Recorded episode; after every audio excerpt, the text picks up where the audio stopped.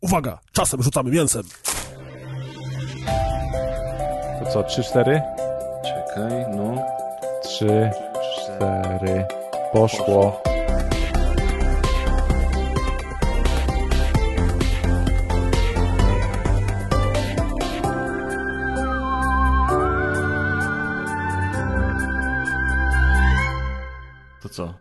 Chyba zaczniemy. No ja już jestem tutaj, wiesz, palec podniosłem jak w radio, bo się dowiedziałem, że się w radio palec podnosi. Ty byłeś w radio? Tak No wiesz o tym, że się palec podnosi podobno. Byłem, byłem.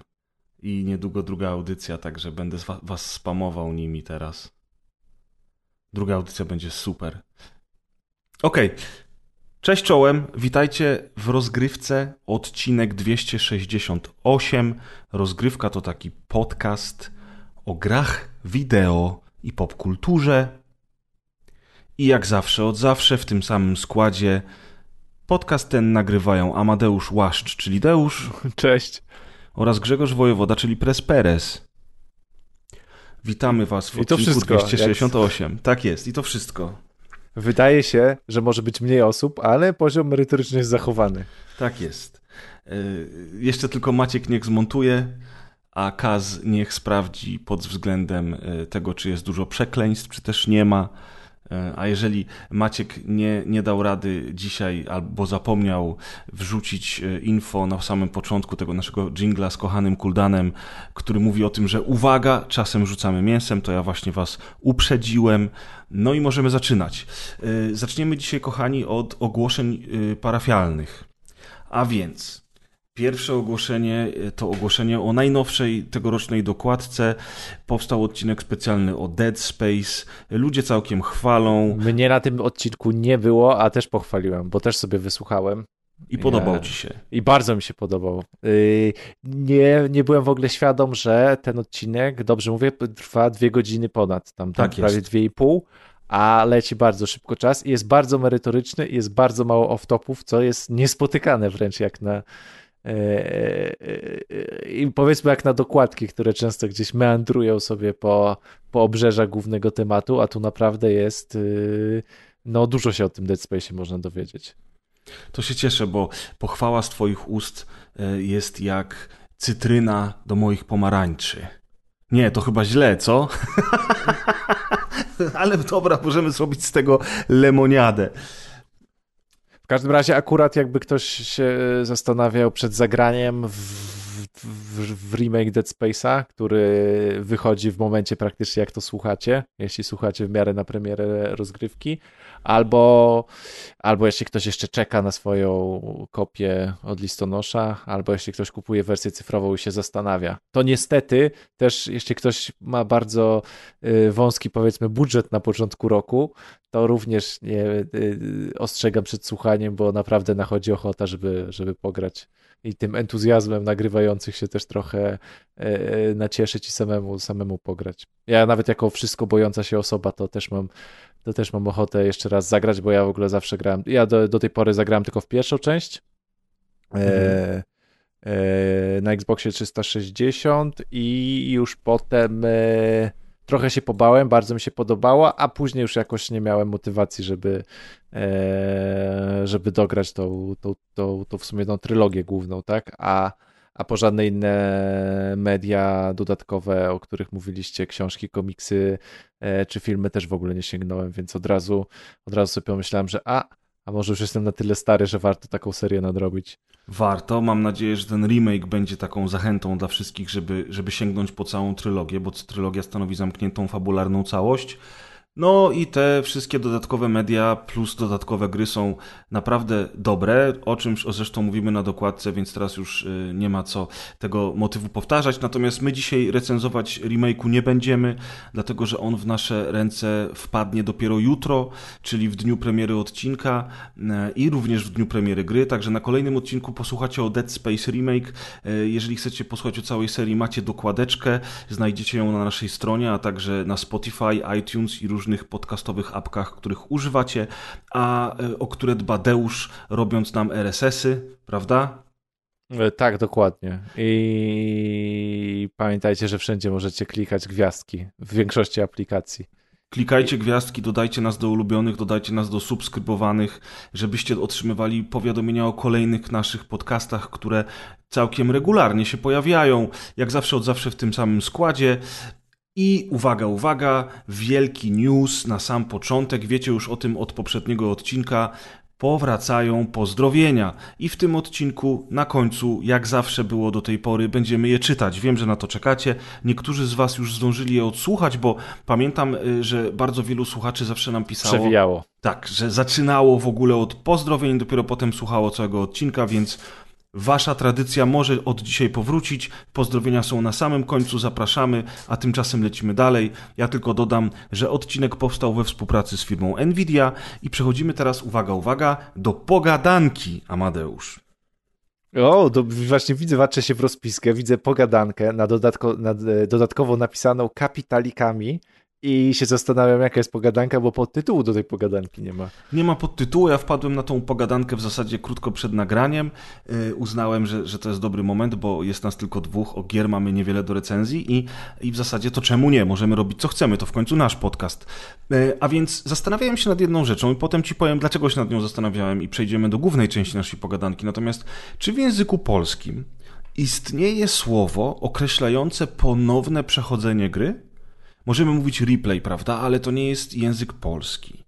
Bo wiesz o co mi chodzi, że na przykład jeżeli przeszedłem trzy razy The Last of Us, bo przeszedłem tę grę trzy razy i teraz będę chciał zacząć ją po raz czwarty, to mogę powiedzieć, że to będzie moje czwarte granie w The Last of Us, na przykład. Ale już Gears of War, pierwsze powiedzmy, nie pamiętam ile razy grałem, bo grałem w nie bardzo wiele razy i nie wiem. I chciałbym teraz powiedzieć, że gram mm, po raz kolejny w Gears of War. To co ja mam powiedzieć, że to jest moja powtórka z Gears of War? No chyba nie, bo powtórka to nie jest to samo, co ponowne granie w jakiś tytuł.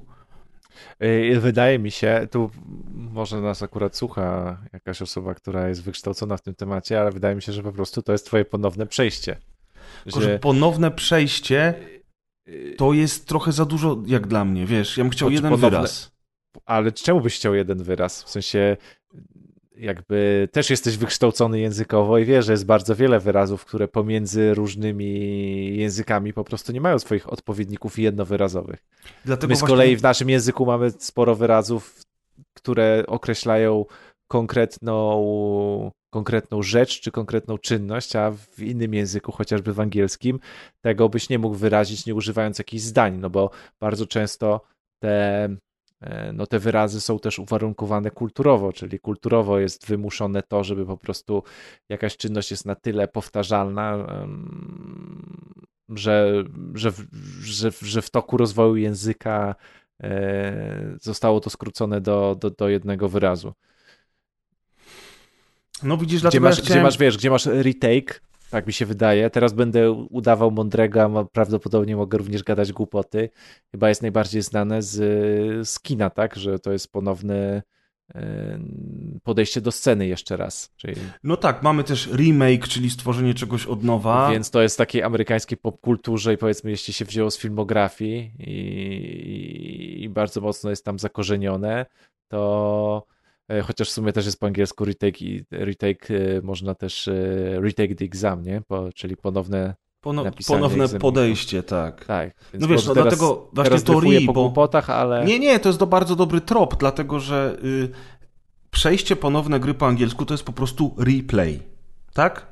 Tylko, że u nas replay to jest powtórka, a powtórka to jest odtworzenie materiału na przykład z meczu. Materiału, który leciał na żywo, a teraz jest y, on puszczony y, jako materiał odtworzony. Swoją drogą, y, a propos audycji, bo przed nagraniem mówiliśmy o mojej audycji radiowej, nie wiem, czy to się znalazło w intrze, czy nie, ponieważ to jest taka surówka jeszcze sprzed głównego raz, dwa, trzy poszło, mm, ale mówiliśmy o mojej audycji radiowej, y, w której wystąpiłem jako współprowadzący razem z Tomaszem. Jest to audycja y, w radiu internetowym i chwaliłem się nią wcześniej. Była na socjalach, ale zapraszam Was do właśnie odsłuchania jej na Spotify, e, ponieważ e, została tam ona, że tak powiem, uwieczniona. Będziecie mogli też kolejnego odcinka, który niebawem się pojawi, posłuchać na Spotify. E, wszystko znajdziecie pod hasłem Radio Spin i tam te, te takie moje audycje bardzo muzyczne będziecie mogli sobie odsłuchać, chyba że będziecie chcieli słuchać na żywo, ale to wszystko oczywiście śledźcie na naszych socjalach. Przepraszam za taką, tutaj widzisz Deusz, trochę prywatę, prawda? Ale nie, nie idę w karierę solo, to jest tylko fucha na boku. Natomiast wracając do meritum, bo właśnie skojarzyło mi się to z tym replay. E, widzisz, jakby to powiedzieć w języku polskim? Gram w coś, no i co? Ponownie gram? Przechodzę grę, ponownie przechodzę grę. Twój pierwszy trop. Albo powtórnie. Powtórnie, tylko to są, to są takie słowa, które nie do końca mi pasują w tym kontekście. To znaczy, one oczywiście y, językowo, polonistycznie są jak najbardziej poprawne, ale mówimy tu o grach, mówimy to o takim, wiesz, o takiej dosyć y, mm, gałęzi, gałęzi y, kultury, która jest dosyć nowoczesna i chciałbym jakieś może bardziej nowoczesne słowo znaleźć tutaj niż dla... tak dużo tych, niż tak dużo spółgłosek, jeszcze r, ur, tak, powtórka, tak, tak. taki brzydki wyraz aż. No może nie brzydki, ale taki no taki już troszeczkę jednak brzmiący archaicznie może? I, I, stąd też moje pytanie, jakby to nazwać, kochani słuchacze, może komuś z was coś przyjdzie do głowy, jakby to nazwać jednym słowem, a może i dwoma słowami, tak jak sugeruje Amadeusz, żeby, żeby powiedzieć, że ponownie, któryś tam raz, bez e, zaznaczania który raz, że ponownie przechodzę, czy też przeszedłem jakąś tam grę. A wiesz czemu o tym mówię? To wszystko tutaj yy, yy, nie Bo jest... Chciałeś napisać na Twitterze i ci zabrakło znaku. Nie, nie, nie. Konto właśnie, na Twitterze konto usunąłem, moi drodzy. Pytaliście o to. Yy, przepraszam, że zrobiłem to bez żadnej zapowiedzi. Ktoś tam pisał mi, że może powinienem jednak się pożegnać z, z, z, grupą odbiorców. Y, trochę ich było, bo, bo, bo prawie półtora tysiąca ludzi to jest fajne. Oczywiście ja wiem, że przy jakichś influencerach czy celebrytach to te półtora tysiąca y, ludzi to jest kropla w morzu, tak samo jak nasza słuchalność podcastów w porównaniu do jakichś wielkich youtuberów czy coś. Ale my tego nie robimy dla e, cyferek. Mm, e, ale jednak to było miłe, że, że tyle ludzi wchodziło ze mną w interakcję. Natomiast ja trochę zacząłem stronić od socjali, trochę mnie zaczęło to męczyć. Mam, mam wrażenie, że tam jest e, bardzo dużo negatywnej energii, która na co dzień nie jest mi w ogóle potrzebna, mm, a mam też wrażenie, że ja wchodząc w ten wir tej negatywnej energii, sam zaczynam oddawać negatywną energię. Wiecie, jak to ze mną, jak ja się potrafię wkurwić. E, i, i zrobić się niemiły czasami, złośliwy, niepotrzebnie bardzo często. To nie jest w ogóle temat na rozgrywkę, to jest temat na grube rozmowy, ale jestem sam z Deuszem dzisiaj, więc tak naprawdę to mogą być grube rozmowy. To może być nawet musical, jeżeli będziemy chcieli, prawda? Tak, zresztą to dobry temat, w sensie moglibyśmy o tym zrobić grube rozmowy, bo właśnie sprawdziłem i yy, mój przedostatni post na Twitterze to jest 25 sierpnia zeszłego okay. roku czyli w sumie prawie pół roku. Ostatni post jest z października, ale jest to post tylko i wyłącznie e, reklamujący książkę mojego bardzo dobrego znajomego, który debiutował, e, który debiutował na rynku książkowym i po prostu poleciłem jego książkę z linkiem do, e, do zakupu, jak akurat była promocja na premierę. A taki merytoryczny post to jest to są jeszcze posty sierpniowe, z tego co widzę, właśnie, e, właśnie sobie wszedłem. Także też rozumiem, twój, rozumiem Twoją decyzję.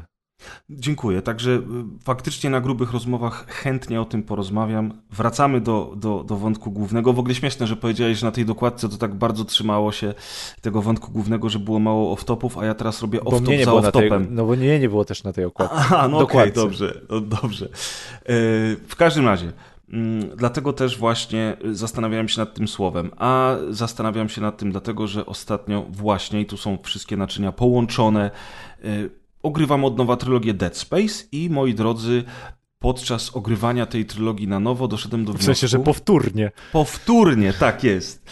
Y, doszedłem do wniosku, że e, w sumie to patrząc na to, że mam starszy komputer, Nowe gry oczywiście dalej na nim cisną, plus mam Xboxa i mam PlayStation 5, więc tak naprawdę mogę wszystko ogrywać, e, że tak powiem, na bieżąco, ale mm, bardzo mi się podoba możliwość wrzucenia na telewizor z rozdzielczością 4K starszych gier i po prostu ogrywania e, ich w 120 klatkach. 120 klatek to jest maks, na co pozwala telewizor ze względu na to, że jego odświeżanie to jest 120 klatek i chodzi mi o to, że po prostu patrzę na, na takiego Dead Space 2 na przykład i ta gra wygląda w 4K po prostu obłędnie. Nie, nie mam żadnych modów, nie mam żadnych upiekszaczy, wiesz, i... W, Ale w... to co, on, Dead Space 2 natywnie nie miał takiej gra, nie miał takiej rozdzielczości, to jest upscalowane przez telewizor, czy... Nie, to, to normalnie odpalam grę przez Steam, e, to jest jeszcze gra z czasów, kiedy nie było wymaganego posiadania konta Origin, więc gra uruchamia się bezpośrednio na Steamie, wchodzę I w opcjach w gry, gry jest po prostu 4K? Tak, i w opcjach gry jest po prostu 4K. I wiesz, to jest gra z 2011 roku. Ja ją rzucam na telewizor, biorę pada w łapę, siadam na kanapie i jestem rozwalony tym, jak ona wygląda. Coś pięknego. I tak sobie pomyślałem, że w sumie to ja bardzo chętnie wrócę teraz na przykład do Spec Ops The Line, przejdę je jeszcze raz.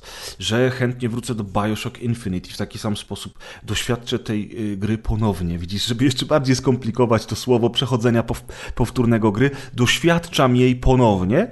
Mm, I tak sobie myślę, że po pierwsze, w sumie to jest bardzo fajna opcja, żeby teraz właśnie do tych starszych gier powrócić, bo mam na to ochotę i po prostu jakoś te nowe gry mnie męczą. Jestem w trakcie God of War Ragnarok, też zaraz chwilę o nim opowiem i trochę się męczę z tą grą.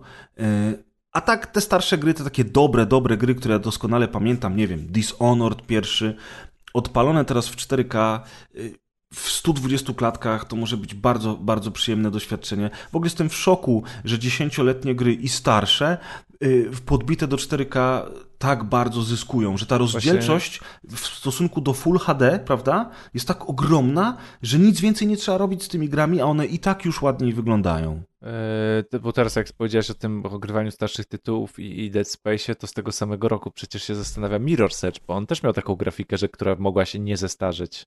O, widzisz, to jest piękny pomysł.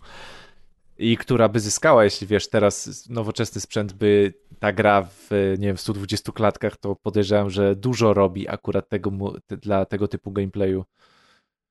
Tak, no totalnie i właśnie to jest, to jest właśnie gra, która wędruje na moją małą listę gier do ponownego przejścia w 4K. Dziękuję Ci Amadeusz za te sugestie, zwłaszcza jedynka, bo tak, szczególnie, mnie że tak mnie zauroczyła. Tak, szczególnie, że to jest też gra, której w sumie też nie musiałbyś przechodzić od, jakby żeby sobie przypomnieć, wiesz, od zera do, do 100%. Tak, tylko byś mógł sobie po prostu pograć jakiś czas, tak, bo jak pamiętasz fabułę i tak dalej, tylko zobaczyć jak ona wygląda po latach, polatać sobie po tych dachach i tak dalej, i tak dalej, więc to prawda. E, więc ona od ciebie też nie będzie wymagała tyle uwagi, ile, nie wiem, powrót do jakiegoś tam, nie wiem, RPGa czy, czy, czy tego typu tytułu sprzed, sprzed lat. Tak, ale są też takie gry, które, które jak już odpalimy na chwilę, to wsiąkamy w nie kompletnie. Tak było właśnie w moim przypadku z oryginalnym Dead Space. Zaraz jak tylko go ukończyłem, sięgnąłem po dwójkę. Mm, tak jest u mnie z, na przykład z Gears of War czy z Halo e, i to są takie serie, do których ja bardzo często wracam. I chciałem się ciebie też zapytać od razu o twoje takie serie, bo jak ja się zastanawiałem nad tym ostatnio, to tak sobie pomyślałem, że e, na pewno, na pewno topka moich ukochanych serii, które przechodziłem wielokrotnie, e, to jest Gears of War, Halo, to jest Dead Space. Mm, niedawno do tej listy dołączyło genialne The Last of Us, chociaż myślę teraz tu tylko i wyłącznie o jedynce, którą zaliczyłem już trzy razy, ale zamierzam też ponownie zagrać w dwójkę. I takich w sumie serii jest kilka. Nie jest ich dużo, ale to są takie, takie gry, do których ja lubię wracać e, i po prostu przechodzić je ponownie. Za każdym razem tak naprawdę bawiąc się równie dobrze. Pewnie jakbym się zastanowił, to by jeszcze jakieś tytuły czy serie by mi tutaj do głowy przyszły, ale, ale, ale to nieistotne. Natomiast jestem ciekaw, czy ty masz takie serie albo takie tytuły, do których po prostu wracasz. Ja nie mam ani jednego takiego tytułu, do którego wracam. I tego się właśnie się, spodziewałem. I do, nie dotyczy się to w ogóle gier, tylko czegokolwiek z popkultury czy z kultury. W sensie filmów, które obejrzałem dwukrotnie, to myślę, że na palcach jednej ręki bym wymienił filmy, które widziałem dwa razy. Książek, które przeczytałem dwa razy, myślę, że też bym się ograniczył do palców jednej ręki, a gier to nie wiem, czy w ogóle sobie nie potrafię przypomnieć tytułu, który mógłbym ukończyć więcej niż e, więcej niż raz. Jakichś gier sportowych albo takich, wiesz, bez jakby bez fabuły, nie serii, tylko e, do czegoś bym mógł wrócić. E, teraz mi się sobie nawet trudno przypomnieć, do, czego tak, do czegoś takiego bym mógł wrócić, ale nie wiem, jakaś taka gra, w którą z kimś grałem do jakiegoś kanapowego kopa na chwilę, to okej. Okay. Albo jakiś rogalik może w stylu Faster Than Light. E, albo właśnie coś takiego jak Faster Than Light, czy, czy teraz sobie gram na mobilnie na przykład w Into the Breach, nie wiem, to jest taka gra, która podejrzewam, że za 5 lat też sobie mogę odpalić bez problemu i sobie wrócę do takich gier właśnie mm, powiedzmy niefabularnych, mniejszych, czy z koopem. Czyli dla ciebie właśnie granie mobilne to jest, y, to jest taka zajawka, tak. żeby grać w coś ponownie. Tak, żeby grać coś ponownie, bo to jest też emulacja, też gry, w które nigdy nie zagrałem, a które są kultowe, albo które nie były dostępne, pomijając oczywiście kwestie legalności tam emulacji tych starszych tytułów, ale powiedzmy, no jeśli to są tytuły tam, nie wiem, z Game Boya Advanced, a chciałem sobie sprawdzić, bo to jest jakaś legenda, to też ta emulacja jest jakimś, e, jakimś sposobem, czy jakieś niedostępne tytuły kiedyś w ogóle z PlayStation 1 powiedzmy w dystrybucji tutaj europejskiej, zresztą w przypadku PlayStation 1 to o jakiej w ogóle my dystrybucji legalnej mówimy w naszym kraju, mhm. e, więc, e, więc mówię o tego typu tytułach, ale takie wiesz, fabularne z przeciągu, nie wiem, ostatnich kilku, kilkunas, kilkunastu lat to tych 10-15 to, to, to, to, to w ogóle nie mam takich serii, bo na tyle to tak samo jak wiesz, z, z komiksami, z książkami, z filmami, z serialami. Mam na tyle duże kubki wstydu w każdej z tych poszczególnych szufladek popkultury, czy też kultury, że po prostu szkoda mi czasu. czasu jeszcze raz odpalać. To już w ogóle jak wiesz, albo inne w ogóle medium, czyli nie wiem, zamiast jak już naprawdę nie chce mi się grać nie mam jakiejś konkretnej listy, y, gry do przejścia, nie mam czasu, to wtedy wziąć książkę, obejrzeć serial, zobaczyć jakiś film, a jak film, no to nie jeszcze raz, kolejny raz tam szklano pułapkę, tam Kevina samego w domu i tak dalej, tylko po prostu wziąć kolejny film, który i tak tych filmów mam dziesiąt pewnie na tej liście Coś do tak zobaczenia, tak czułem. szczególnie jak masz teraz, wiesz, dostępność tych streamingów, gdzie w ogóle no jasne. w tych bibliotekach to są przepaście filmów, których nie oglądałem, tak. abym chciał. Coś tak czułem, że szklana pułapka się pojawi w tym wątku. Zapomniałem o Kevinie, ale szklana pułapka po prostu była cały czas z tyłu mojej głowy. Wiesz co, to jest ciekawe, że mamy tak różne podejście. Ja na przykład mam kilka książek, tylko kilka, do których wróciłem i które przeczytałem ponownie, e, ale na przykład mam zatrzęsienie filmów, do których wracam bardzo, bardzo często. Gdyby Maciek dzisiaj z nami nagrywał, to by pewnie powiedział to samo. On też ma masę filmów, które ogląda. No, ja myślę, że Maciek to ma większość filmów po 10 razy obejrzanych, które Dokładnie. choć raz obejrzał w życiu. Rzadko kiedy Maciek ogląda raz jakiś film. No, ale chciałeś coś powiedzieć jeszcze? Czy... Nie, tak, chciałem tylko powiedzieć, że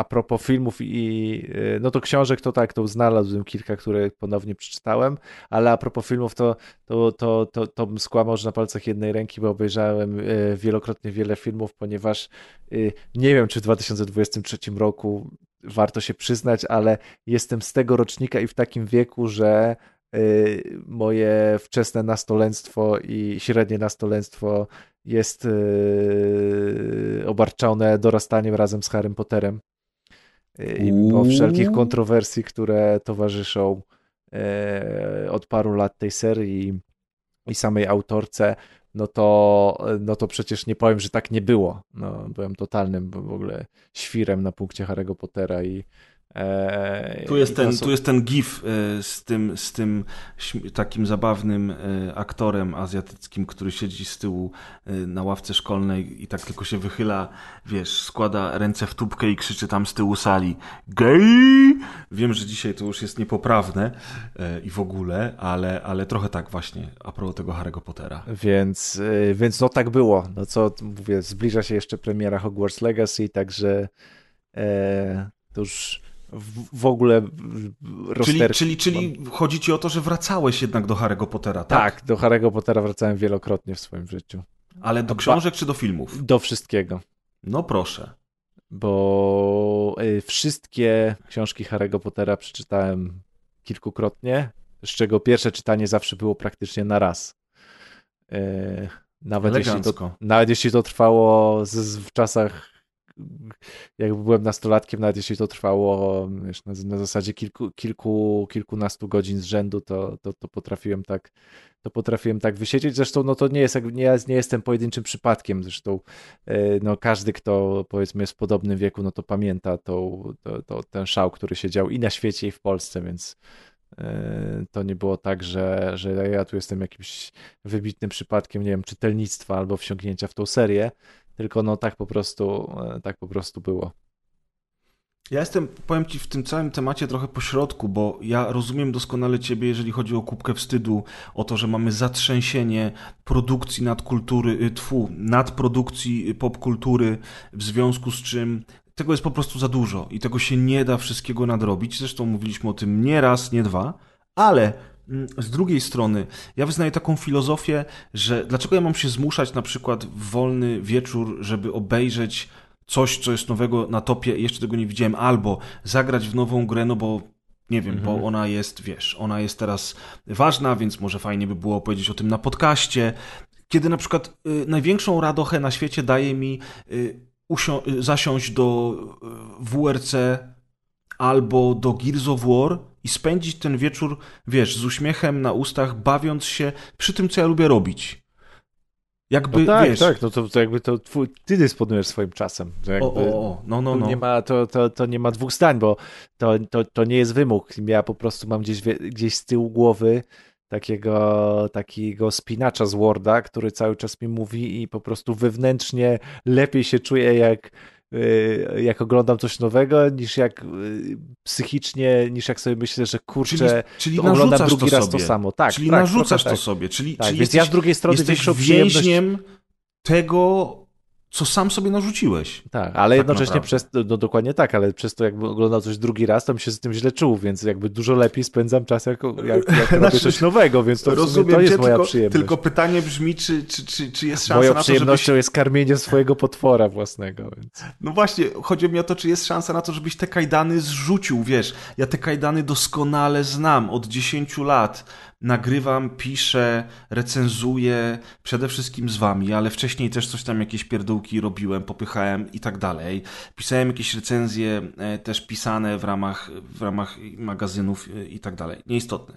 Chodzi mi o to, ty, ty, to już w ogóle robisz to dłużej ode mnie, więc tym bardziej jest nasz temat, że jakby wiesz, my sami sobie te kajdany trochę narzuciliśmy i właśnie tą konwencję tego, że my musimy wszystko poznać, wiedzieć o czym rozmawiamy, recenzować to, być na bieżąco i że rzeczywiście gdzieś tam z tyłu głowy jest to, no tak, ale teraz jest na przykład, y, nie wiem, co tam, co tam jest teraz takiego, w co myśmy nie zagrali. No. High on life powiedzmy, tak?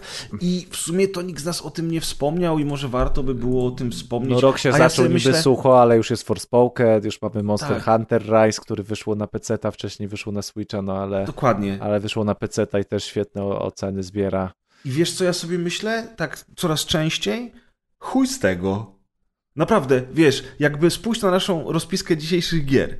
Ja będę mówił o grze, która ma kilka lat i w którą zagrałem z moją ekipą dla przyjemności. E, wiesz, po, A, to powoli, ja świeżutko powoli... na tym tle wypadł. No, ty wypadasz świeżutko. Wiesz, powoli, powoli kończę tego Ragnaroka. Jestem w trakcie odświeżania Dead Space'a i kurczę, aha, wciągnąłem w ogóle jeden serial, który obejrzałem w ciągu tam trzech tygodni, praktycznie nic innego nie robiąc, jeżeli chodzi o oglądanie, tylko oglądając ten serial. I tak mam, mam takie, że w tym roku to ja w ogóle chyba tak będę robił cały czas. Chyba będę grał w te stare gry, na które mam ochotę.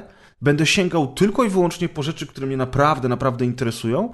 I jeżeli będę e, wracał do starych tematów, to ja będę miał większą z tego radochę, niż na przykład sięgając po jakiś tytuł do recenzji, no bo on jest świeży, nowy i warto by było o nim opowiedzieć. Kumasz? Mhm. Jakoś... Tak, jak najbardziej. Te kajdany tak powoli, powoli, wiesz, odrzucam, a potem przyjdzie y, y, półrocze albo jesień i znowu te wszystkie premiery, jep, jep, jep, jep i będzie człowiek siedział i tylko to robił, nie? Tu, tu również potrzebowalibyśmy jakiejś profesjonalnej diagnozy, ale jakbyś tak diagnozować z y, wujkiem Google i ekspertami z internetu, to, to jest jedną nogą z, to mm, takie przysłowiowe FOMO, Fear of Missing Out, czyli ten strach przed wypadnięciem z obiegu jakiegokolwiek.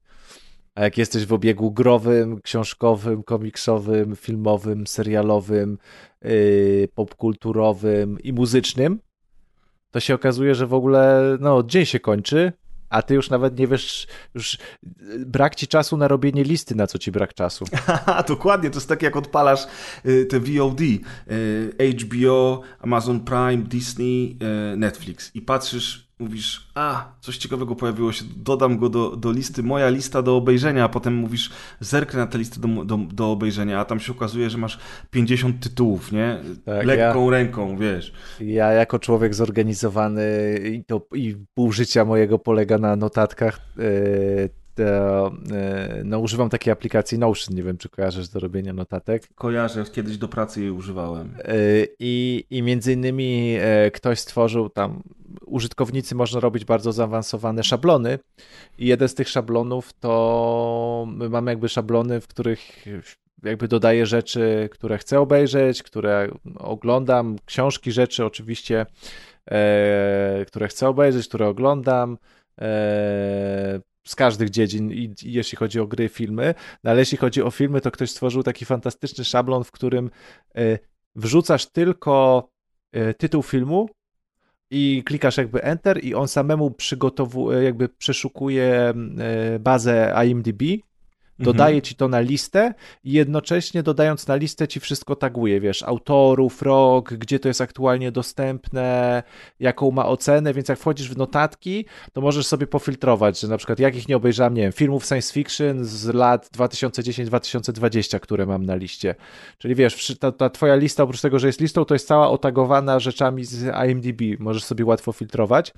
No ale oprócz tego ma taką opcję, to jest ten, ten, e, ten, ten, ten, ten główny temat, o którym chciałem powiedzieć, ma taką opcję, że w momencie zmiany, jeśli coś się zmienia na IMDb, e, czyli na przykład dodawany jest kolejny odcinek o jakiejś nazwie, no to ta aplikacja, to ten template może ci wysyłać na maila powiadomienie, żebyś wiedział, na przykład jeśli oglądasz 15 seriali. No mhm. ja tak wiesz, powiedzmy pododawałem te seriale, tam mam pododawanych tych seriali 10 podejrzewam, i mam pododawane nowe tytuły, które są zapowiadane, na przykład, nie wiem, pojawił się pierwszy odcinek czy cały sezon. E, i mam włączoną między innymi tą opcję, która mi przysyła maila i zawsze jak sobie tak, wiesz, rano wstanę, myję zęby, odpalam sobie maila na komórce i widzę na przykład, nie wiem, 11 maili, to, to, to jest, Dotyczących to jest dokładnie tego, tak, każdego dnia między 7 a 11 maili. To są nowe odcinki seriali, które chcesz do obejrzeć i sobie myślisz, Oj, dobra, powiem ci, 7, ci... 11 maili, to jest tak 8 godzin, wczoraj było 8 godzin i to są tylko seriale. I tak tylko te, wiesz, i tak do archiwum, do archiwum, do archiwum, do archiwum. I, ta, i, wiesz, I te maile mnie po prostu gonią, tak. Ale to są co? tylko filmy i seriale. Ale wiesz co, to jest, to jest w sumie trochę smutne, że ty sobie to robisz, bo ty ty się biczujesz tym, nie? Wiesz o tym. Bo yy. ja, ja, ja codziennie mam y, powiadomienia z kalendarza na temat rzeczy moich zawodowych, rzeczy takich codziennych w stylu opłacić rachunki, umówić y, barbera, zrobić to czy tamto do pracy, wiesz, zadzwonić do, goś do gościa od remontu, etc. Prawda? Mhm. To są mhm. rzeczy, które ci przychodzą cały czas i ty tam część z nich przekładasz, część z nich robisz. To też jest fajne, że jak człowiek sobie taką listę przygotuje, kiedyś to robiłem w notatniku, potem przerzuciłem się na telefon, to masz wrażenie takiego spełniania zadań na co dzień, takiego poczucia dobrze spełnionego, spełnionego no, nie jeden poradnik coachingowy na ten temat powstał. E, dokładnie, tak. ale jakby no, my nie będziemy tutaj coachingować, natomiast no, z mojej perspektywy osobistej to faktycznie pomaga, to działa i człowiek też potem po południu czy wieczorem, jak ma ochotę zasiąść do filmu czy też do gry, to nie ma takiego poczucia, wiesz, że marnuje czas. No jasne, Bo jednak... ja przecież o połowie tych rzeczy to bym nie pamiętał w ogóle. A druga sprawa jest dokładnie taka, żebyśmy o tym zapominali, tego jest po prostu za dużo, do tego dochodzą wszystkie zadania związane z rozgrywką, odpisywanie na maile, maile, kontakt z mediami, etc. Robi się tego po prostu za dużo. A ty sobie mój drogi, dorzucasz do tego jeszcze przypominajki o tym, że Amadeusz nadal nie obejrzałeś czwartego sezonu The Walking Dead. Amadeusz, halo, halo. No, no dobra, może nie szkale mnie The Walking Dead. Ja jakby to... Bardzo dobra jest końcówka tego serialu. Bo obejrzałem do końca, zmusiłem się na początku, potem poszło gładko, na końcu nawet nie bolało. Jest całkiem spoko. No ale, ale wiesz, co mi chodzi, nie? Wiesz, o co mi chodzi? No stary, no tak, to jest... Tak, tak, tak, tak. Jak ja miał 11 maili dziennie, że nie widziałem tego czy tamtego, to wiesz, to tylko krzyczał e, co rano, wiem, daj mi spokój. O, to... To już jest za duży off, to jeszcze mogę ci zrobić jeszcze dwuminutowego off-topa. Dawaj off-top, to w końcu bo ja jest, bo nasz jeszcze, podcast. Bo jeszcze ja internet ogarniam w ten sposób, że ja cały czas jakby używam czytników e, RSS. E, i stron, które no, mają feedy w RSS-ach, bo inaczej to przecież bym nie ogarnął tego internetu, który chcę czytać, a jeśli to nie byłoby, jeśli to nie byłoby w formie po prostu RSS-a, tylko miałbym na każdą stronę wchodzić i czytać, co tam jest.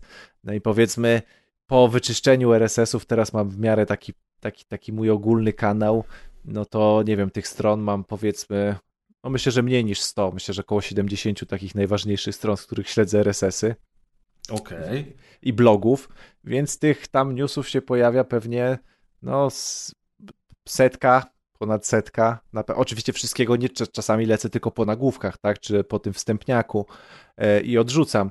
Natomiast e, no, czasami tak jest, że w ciągu dnia nie zdążę gdzieś tam zerknąć na to. Wiem, jestem coś totalnie pracowałem już przed spaniem, a zawsze sobie, nie wiem, tam przed spaniem czytam, czy cokolwiek byłem tak zmęczony, że idę spać, to te RSS-y mnie też tak zganiają, bo wiesz, jeden, dwa dni nie przeczytam czegoś, albo zdążę no tak. na liście i nagle, wiesz, wchodzę kolejnego dnia i tam jest taka w nawiasie, y, w nawiasie liczba 347. Ja sobie myślę, o kurde, i teraz tak, zrzucić wszystko, czy coś się wydarzyło na świecie takiego, że jednak... Y, wiesz co, jak coś takiego się wydarza na świecie, to zazwyczaj się o tym dowiesz, bo powie ci o tym nie. żona, powie no, ci o tym nie. kolega z pracy, wiesz o co chodzi. Wiesz, ja śledzę takie rzeczy, że w żadnym serii, że nikt mi o tym nie powie, że się no, wydarzyło. No, chyba, że jakieś naukowe rzeczy, oczywiście. Natomiast wiesz co, ja ci powiem tak, między nami jest prawie 10 lat różnicy.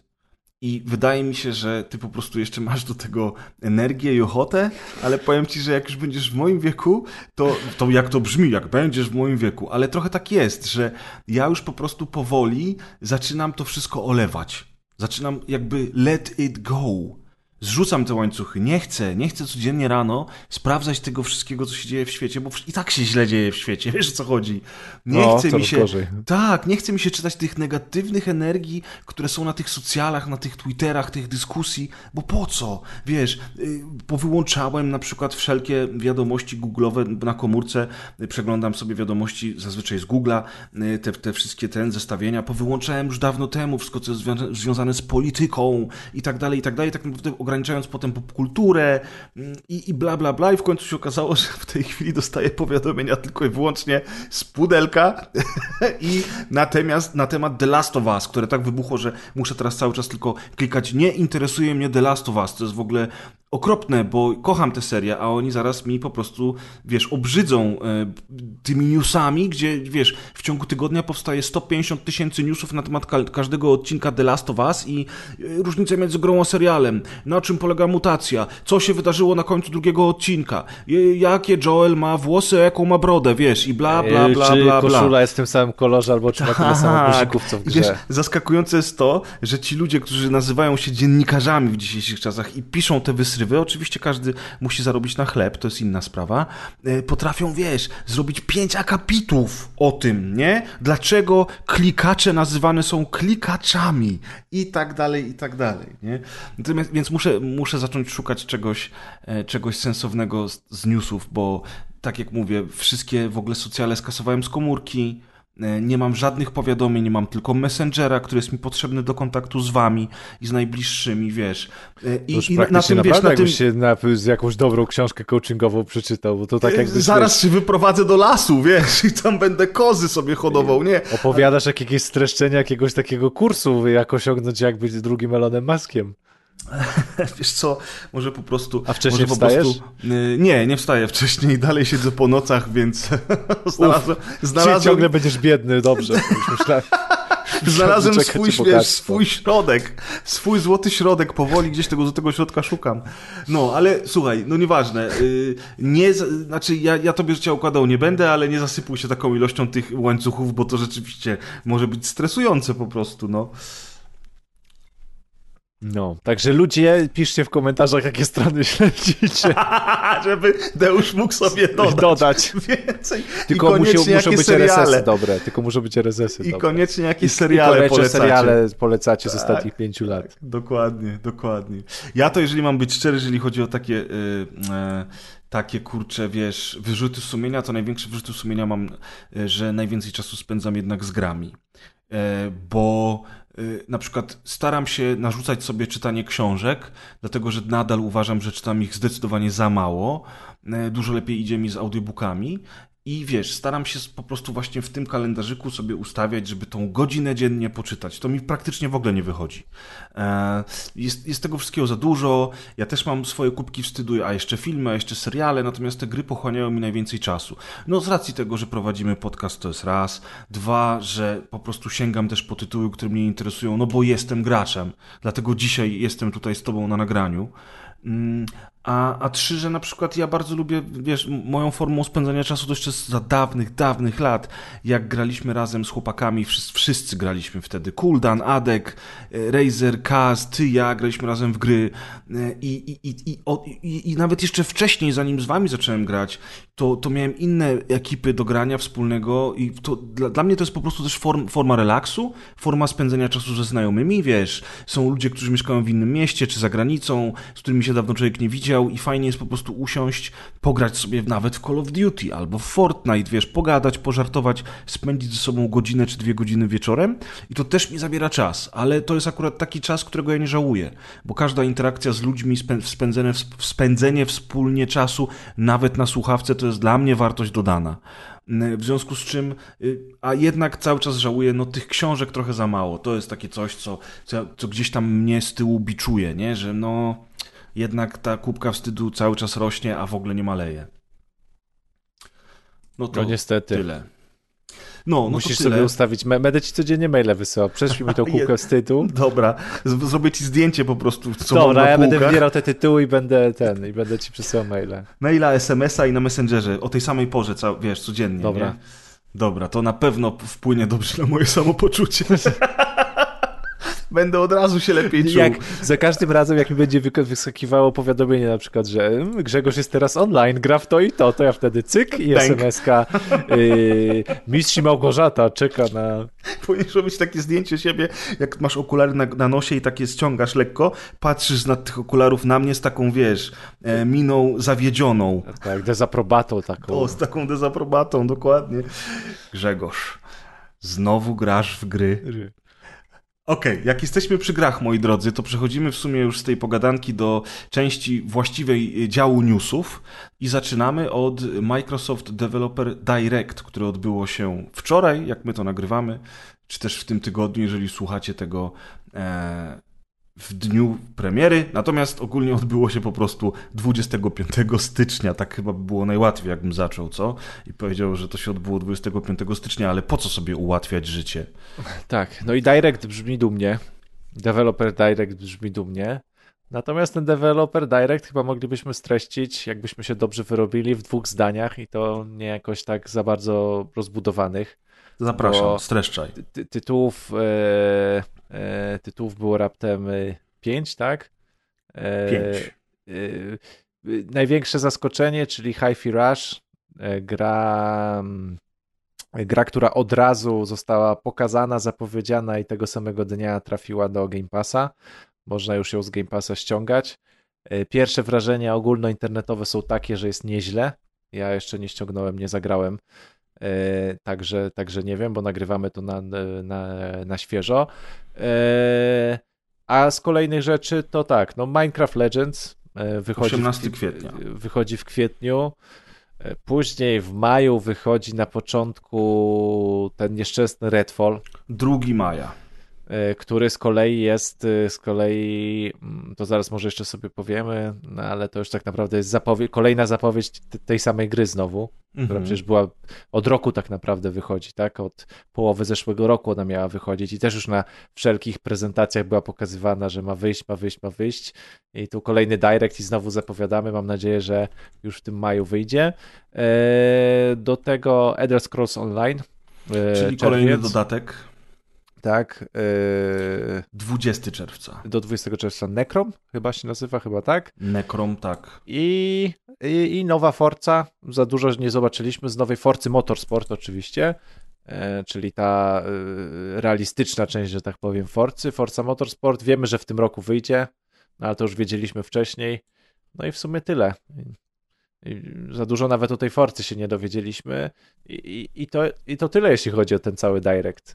No tak, to jest, to jest trochę smutne. Tak no naprawdę. jest trochę smutne. Znaczy, ten Hi-Fi Rush podobno jest super. Ja się cieszę, bo to są twórcy The Evil Within, czyli Tango Softworks bodajże. Chyba tak. E, I co prawda ja nie byłem jakoś szczególnie zachwycony ich Ghostwire Tokyo, ale, ale z tego co słyszę to Hi-Fi Rush naprawdę daje radę. Bardzo się z tego powodu cieszę. Bardzo miłe zaskoczenie, że oni ogłaszają grę i godzinę później ona już jest e, w Game Passie. Po to ten Game Pass między innymi powstał. To jest, to jest fajny zabieg ale no wiesz, Minecraft Legends, no Minecraft to jest ogromna marka, ona ma, y, wiesz, siłę nośną taką, że to na pewno będzie, będzie Tak, sukces. ja zdaję sobie sprawę, że to jest cały czas, że to jest cały czas duża marka i ona jest poza nami wciąż, nie? Bo mm-hmm. w sensie my nie dostrzegamy, jak ona jest duża, bo nie zazębiają się te nasze bańki, ale ona jest. Tak. Y, Redfall, wiesz co, powiem ci szczerze, w ogóle praktycznie się tą grą nie interesuje. Nie wiem jaka ona będzie, ale ja po Deathloop bardzo się zawiodłem tym, co stworzyło Arkane i jako ogromny fan całej serii Dishonored po prostu y, jakoś opadł mi zapał do tego, co oni robią. Y, oczywiście to nie jest tak, że się teraz na nich obrażę i nie będę już grał w ich gry, tylko dlatego, że Deathloop był słaby, ale, ale zobaczymy jak to Redfall wyjdzie i czym ono będzie. Natomiast z tego, co ja wiem, to jest czteroosobowa gra kooperacyjna takich gier jest multum. Mm-hmm. No wiesz, to będzie, to będzie w Game Passie, więc ludzie na pewno po to sięgną, żeby ze sobą spędzić czas i tak dalej, ale znowu brakuje czegoś naprawdę mocnego. Forza Motorsport oczywiście będzie no, mocna. Szczególnie, szczególnie jeszcze ten Redfall, no on jest też taki wymęczony jakby, to nie jest tak, że wiesz, on nie był zapowiedziany, nie tak. wiem, parę miesięcy temu i tak kurczę, było dosłownie, wiesz, trzy trailery i teraz zobaczyliśmy 10 minut gameplayu i, i powiedzmy czekamy na Redfall, tylko on jest tak tą nogą przepychany pomiędzy mm -hmm. tymi mhm. kolejnymi, pomiędzy tymi kolejnymi konferencjami. E, data premiery, no, była przekładana, e, znowu praktycznie, no, prawie o rok się wydłużyło. Eee, prawie o rok się wydłużyła ta data premiery, więc to już też tak jest, po prostu już tylko czekasz i się zastanawiasz, czy oni dokładali tą premierę, bo tam naprawdę się źle działo, czy, czy były jakieś merytoryczne powody e, tego, że ten Redfall wcześniej nie wyszedł. Wiesz, bardzo mnie cieszy, że to Elder Scrolls Online się rozwija, bo to jest naprawdę, naprawdę dobre MMO i równie dobre dla pojedynczego gracza, jak dla graczy chcących grać w MMO, tak jak w MMO się grywa. Więc to jest super, że oni to rozbudowują cały czas. Jak, jakby, jak najbardziej propsy. Forza Motorsport na pewno będzie świetna. Ja tutaj w ogóle nie mam żadnych wątpliwości, że ta gra się nie uda. Ale mm, zwróć uwagę na daty premier. Minecraft Legends, Elder Scrolls i Redfall wychodzą wszystkie w pierwszym półroczu. Tak, e... praktycznie z miesięcznymi odstępami. Tak, czyli zakładamy, że do każdej z tych gier w ciągu miesiąca będą dodawane jakieś mniejsze czy większe hity game passowe, więc coś tam się będzie kręcić. Natomiast pytanie brzmi, czy oni planują coś dużego na drugą połowę roku, tak? Stalker 2. E, wiesz, co dalej z Gearsami, czy może z Fable. Mhm. Tylko wiesz co, tak naprawdę mi się Bo... wydaje, że. No, no, no, oczywiście Starfield, nie? Starfield to jest. No to właśnie, jest, Starfield. To jest ten ich, ten ich y, koń pociągowy w tym roku. Natomiast ja bym chciał, żeby oni wyszli z jakąś nową zupełnie grą, którą sami przygotują, ale z jakimś takim hitem, wiesz, na miarę Gears of War, czy Halo, czy Forcy właśnie. No, Natomiast. Ten to się nie stanie, nie? No, no, no tak, i tak naprawdę to mamy to powiedzmy, bo ten, ten, ten, ten developer direct to można powiedzieć, że tą, tą pierwszą połówkę roku objął, tak? No i dorzucona Forza. Mhm. Jest, bo ona wyjdzie na jesieni, tak? Ale raczej nie wiadomo jeszcze dokładnej Na pewno premiery. na jesieni wyjdzie. W każdym razie y, to jest taki direct, który mógł być mailem. Dokładnie. Dam sobie rękę uciąć, chyba że już naprawdę się mylę, że, że, że, często podobne zapowiedzi, mm, powiedzmy w poprzednich latach, to było po prostu informacja prasowa, co się pojawi w przyszłym miesiącu w Game Passie i się nagle dowiadywaliśmy, aha, dobra, to ta gra wychodzi, no będzie miała już premierę i będzie w Game Passie wtedy, wtedy, wtedy i, i, i ta liczba tutaj tych tytułów jest jakby porównywalna często do niektórych takich dobrych miesięcy Game Passowych, można powiedzieć. Mhm. E, więc, e, więc trochę mówię, tutaj tak mamy to pół roku i tak jeszcze ta Forza jest dopchnięta, no ale to pół roku to są cztery gry realnie. Ja nie mówię, że jakby złe albo albo coś, ale taki ten direct był dla mnie takim, takim czymś, co, co, co mogłoby być mailem, że tak jakby te, te, te, te, te tytuły mm, nie wymagały, żebyśmy robili czego, transmisji nazywając to Developer Direct. Ja, ja rozumiem, że każdy z tych tytułów jest robiony przez inne studio, tak, bo tam powiedzmy narracja tego Directa, jako że to jest Developer Direct, to narracja tego Directa jest oczywiście, że pięć różnych studiów mhm. e, robi, robi gry na Xboxa, tak? Więc to tak w takim ujęciu to brzmi dobrze w tym jednym zdaniu, no ale jak już się tutaj zajrzy za zasłonkę, no to jednak czegoś brakuje cały czas. No brakuje, dlatego tak jak powiedziałem, pewnie przez te pierwsze pół roku będzie jedna duża premiera e, plus nowości w Game Passie, Mm, a zobaczymy, co będzie w drugiej połowie roku, bo na razie poza Forcą Motorsport, no to wiemy, że będzie Starfield.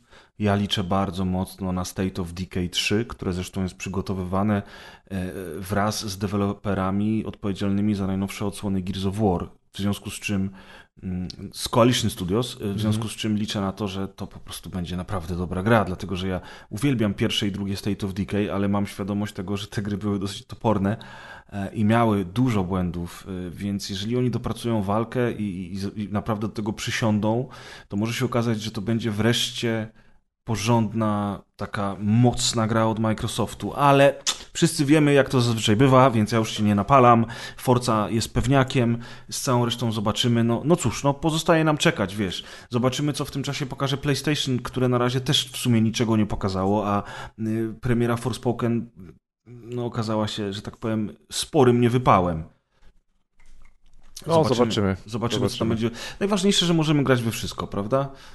I, i, że nie mamy na to zupełnie czasu. Ustaw sobie 11. Po... Widzisz, ale zobacz, o, a propos Jak dobrze, że nie muszę grać w Forspoken. Zobacz, musisz sobie tylko tak ustawić jedno powiadomienie codziennie, że Hi-Fi Rush musisz zainstalować. Potem drugie powiadomienie na 18 kwietnia na Minecraft. A już Hi-Fi Rush dodałem, także no, widzisz. już od wczoraj mam Potem w maju Redfall i w czerwcu Necrom. Na pewno będziesz grał przecież w szósty dodatek do serii. na pewno. To jest ten moment, żebyś zaczął w to grać właśnie. Zresztą każdy wie, że jestem fanem MMO. Tak jest. E, no dobrze, słuchajcie, no to to był, to był Microsoft i jego nowości z Developer Direct, a ja teraz mam smutną wiadomość dla wszystkich boomerów i, i lo, loverów e, gier e, retro, tak, czy, czy retro FPS-ów, a, a tak właściwie to i boomer shooterów nawet, bo Epic Games wyłączyło Unreal Tournament dwa dni temu, a więc 24 stycznia i to jest dosyć smutne, bo to ma to jest konsekwencja bardzo wielu rzeczy. E, Unreal Tournament było jedną z najpopularniejszych i najlepszych e, arena shooterów multiplayer przełomu wieków. E, to była ta gra, która była wielkim konkurentem Quake'a 3. Ale później przez lata te odsłony traciły na popularności, aż w końcu arena shootery przeszły do lamusa, o czym Cliffy B dowiedział się niestety podczas premiery tej gry Lawbreakers, która była świetną grą, ale w którą nikt nie grał i ostatecznie została kompletnie zamknięta, czego do dzisiaj nie rozumiem. Przecież mogli zrobić z tego free to play mhm. i zostawić tę grę. To była dobra gra, a wiesz, oni ją po prostu totalnie uśmiercili. No i mm, Epic y, zaczął tworzyć jakiś czas temu, znaczy wiele, wiele lat temu, e, zaczął tworzyć na swojej platformie e, Epic Launcher tytuł Unreal Tournament, który był po prostu takim remake'iem serii, rebootem serii. To była znowu ta sama gra o tym samym, ale na nowym silniku, z nową oprawą. Powracały stare mapy, były nowe mapy, pozwolono twórcom e, z społeczności growej robić swoje, we wszystko można było tam grać i gra miała być takim early accessem, który miał przez lata powstawać. Natomiast w międzyczasie powstał Fortnite i z gry kooperacyjnej przerodził się przede wszystkim w grę Battle Royale e, i po prostu świat oszalał. W związku z czym ten biedny Unreal Tournament został porzucony niczym taki bezpański pies i Epic kompletnie przestał go rozwijać. ale on dalej istniał. Można było w niego grać i przede wszystkim to była darmowa gra. No a ni stąd, ni zowąd nagle na początku roku 2023 Epic nie dość, że wycofał ze sprzedaży wszystkie gry z serii Unreal, więc nie kupicie już ani jednej, to jeszcze zamknął tego Unreal Tournamenta, który w sumie nigdy nawet pełno, e, pełnoprawnego numerka 1.0 nie osiągnął, ale grą był całkiem dobrą. Myśmy swego czasu w niego nawet sporo grali. Także e, RIP Unreal Tournament. Jedyna dobra wiadomość jest taka, że niedługo Unreal Tournament 3 z jakimś tam dopiskiem, ja już nie pamiętam, czy to jest, będzie X, czy coś tam, pojawi się jako gra free to play na PC-tach i będzie miała crossplay pomiędzy Gogiem, Epiciem i Steamem, więc jeżeli za tą serią tęsknicie, a powinniście, to, to pozostanie wam Unreal Tournament 3X. Mhm. To naprawdę informacja już dla boomer shooterów, dla boomerów takich porządnych. Tak jest. To co? To jeszcze no, coś na co czekasz? Płakał? Nie, nie, już nie patrzę, ale mi... O, idź zrób więcej powiadomień na maila, cwaniaczku.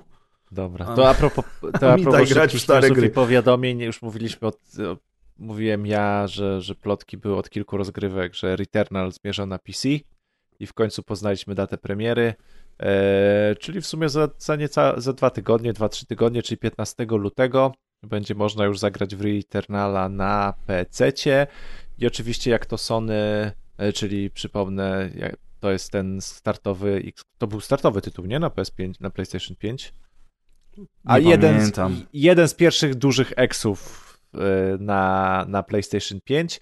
E, oczywiście, jak to Sony ma w zwyczaju z, z tymi swoimi eksami, które w końcu trafiają na PC-ta, mamy tutaj e, pełne wsparcie dla, mm, dla ray tracingu, mamy pełne wsparcie dla rozdzielczości 4K, panoramicznych, ultrapanoramicznych, y, mamy DLSS-a również od NVIDII, y, te wszystkie dźwięki przestrzenne, y, działa tak jak działa w innych grach. Pad DualSense, jak go podłączymy, czyli z tymi haptycznymi triggerami, więc, e, więc no te, te, te porty tych gier, e, tych ekskluzywów PlayStation na, na, na PC, jak do tej pory zawsze, no zawsze te gry były bardzo dobrze, o ile nie, o ile nie super portowa, portowane, więc ja się, więc ja się w sumie bardzo cieszę, bo chętnie, chętnie bym Returnala sprawdził. Zresztą on ma te wszystkie już te wszystkie łatki i pacze, których nie miał na początku, o których gracze mówili. Przede wszystkim ma teraz kooperację. I ma kooperację, i kooperację ma taką, że całą grę można, prawda, przejść w kooperacji od początku. Nie wiem, czy całą grę, natomiast na pewno kooperacja pomaga, bo niestety Deusz to jest bardzo trudna gra. I to I... jest, wiesz, to jest, to jest rogalik, który wymaga od ciebie mnóstwo czasu e, i naprawdę dużego grindu, żeby go ukończyć. A właśnie nie jest tak, że w tych patchach e, został obniżony poziom trudności, że jeżeli ten poziom się... trudności został obniżony, no to ja nadal jestem za słaby na niego. To znaczy, wiesz... Aha, okej. Okay. E, Pamiętam, e, opowiadałeś. Wiesz, są, jakby ten progres jest lepiej zapisywany, natomiast nie wiem, czy jest opcja łatwiejszego trybu gry, nie wydaje mnie się.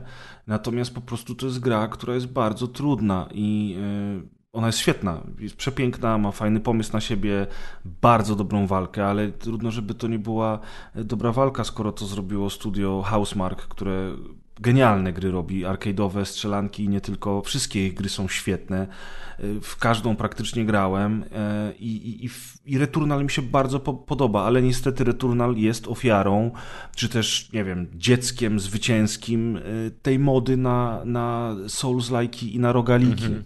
Więc masz połączenie jednego i drugiego. No i no, powiem ci, że jak ty tę grę przejdziesz, to, to stawiam piwo. No właśnie teraz mi przypomniałeś o tym poziomie trudności, się zastanawiam. No, ale to jest, to jest właśnie, no niestety, bo to jest takie science fiction, które ja akurat lubię. To jest setting, którym, który ja po prostu mogę oglądać i mi się po prostu setting tej gry tej gry bardzo podoba i tak, to jest przede ale... wszystkim to, co mnie, co mnie wyciągnęło do tej gry. Ale to nie jest gra do oglądania, to znaczy, wiesz, oglądać mógłbyś sobie na YouTubie God of War Ragnarok, żeby poznać fabułę, natomiast tutaj e, Strzelać muszę. Tutaj, to, to jest gameplay przede wszystkim. Tak, tu jest jakaś fabuła, jakaś intryga, ale to jest gameplay, gameplay, jeszcze raz gameplay. Ja sam nie próbowałem jeszcze w kooperacji, bardzo bym chciał, e, więc zobaczymy, może uśmiechniemy się do Sony przy okazji premiery i, i, i spróbujemy tego w kooperacji. Natomiast no, świetna gra, ale trudna. Dobra, a to, to, to zakończmy tego newsa w takim razie, że fajnie, że kolejna gra trafia na i że nie tylko osoby z PlayStation 5 będą mogły zagrać. Bardzo fajnie. Bardzo fajnie, cieszymy się i czekamy. Natomiast e, pod koniec tego miesiąca rusza beta takiej gry, która nazywa się Flamekeeper. E, I to jest taka gierka, a propos w ogóle w temacie e, roguelike'ów trochę. Mm, to jest taka gierka, którą dostałem, e, że tak powiem, do preview, jeszcze do testów, jeszcze przed, przed betą. I nie ma jeszcze oficjalnej daty premiery. Ona się ma, gra ma się pojawić w pełnej wersji w tym roku. I to jest, to jest gra stworzona przez Kałutki Cave, czyli studio, które nic wam nie mówi, ale wydawca już powinien trochę sugerować, a mianowicie Untold Tales. Ja chwilę pograłem, to jest taki typowy roguelite, y, gdzie coś za coś, przy każdym przejściu podejmujemy inne decyzje, świat się zmienia, mamy wiele biomów do, do, do, do odkrycia, a całość polega na tym, że my jesteśmy takim ludkiem, który, ognikiem, który, żeby otwierać kolejne przejścia i kończyć levele, e, musi e, zostawiać tego expa, tak jak zawsze w Metroidvaniach i roguelike'ach. Tego expa jak w jakiejś formie tam zostawiamy, żeby, żeby, żeby uzyskać progres, to tutaj musimy oddawać z siebie energię. E, i ta energia to jest nasze życie jednocześnie, więc to jest fajny zabieg, bo żeby tak naprawdę iść do przodu, to musimy tracić życie. To życie oczywiście potem odzyskujemy, ale całość jest no, takim, takim balansem y, między progresem a, a, a, a ryzykowaniem śmierci i rozpoczynania od nowa.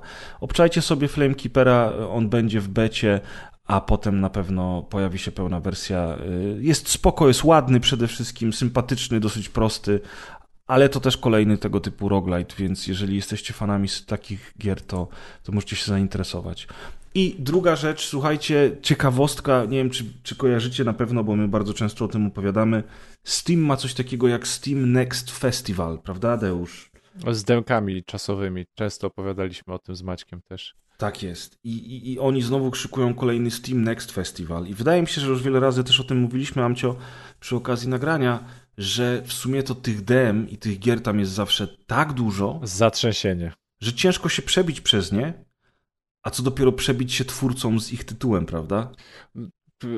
Szczególnie, że ten, on trwa zwykle kilka dni i te dema są też czasowe w większości, co też nie ułatwia, jak na przykład w tym okresie, nie wiem, masz dwa dni nagranie, tak. dwa wieczory, a tych dem jest tyle, że nie wiem, 15 to ci się podoba po screenach, no ale przecież nie sprawdzisz wszystkiego. Drugi, trzeci wieczór to byś musiał poświęcić w ogóle na research, które demo warto ściągnąć. No, ja miałem tak często jak mówisz, że na przykład ściągnąłem tam 5 czy 6 dem, ograłem 3, a następnego dnia chciałem zobaczyć kolejne, już nie mogłem, bo, bo, bo ten okres testowania się skończył. To jest o tyle dziwne, że dema to jednak powinny zostać zawsze, moim zdaniem. Nawet już po premierze gry y, chcesz przetestować y, tytuł przed zakupem, ściągasz demo. Wiele produkcji na Steamie zresztą tak ma. No ale widocznie to ma zachęcić ludzi do testowania. Tylko właśnie to nie do końca ma sens, bo może ze strony Steama to ma sens, ale ze strony producentów, twórców gier już niekoniecznie, bo oni nie mają możliwości przebicia się przez te wszystkie tytuły. Jakby co zrobić, żeby co zrobić, żeby gracze sięgnęli akurat po ich demo, nie? Mhm. Zwłaszcza w tym okienku czasowym, które Steam oferuje. No i tak już ostatnio o tym rozmawialiśmy i nagle się okazało, że, że, że studia, wydawcy czy też firmy PR-owe e, ulubione Maćka, wink wink, to wpadły na taki pomysł dosyć zaskakujący. Ja się tego nie spodziewałem. A mianowicie dostaliśmy dwa maile o demach, które pojawią się na Steam Next Festival z kluczami do tych dem, żebyśmy mogli przetestować je przed Steam Next Festivalem. Cel jest oczywiście oczywisty, żebyśmy o tym opowiedzieli na nagraniu, żebyście wy usłyszeli o tych tytułach i po nie sięgnęli w trakcie no bo, Steam no Next. bo póki by był Next Festival i byś zagrał i byś powiedział na podcaście, to już nikt by nie mógł tak, ściągnąć, tak, bo, bo już by było po.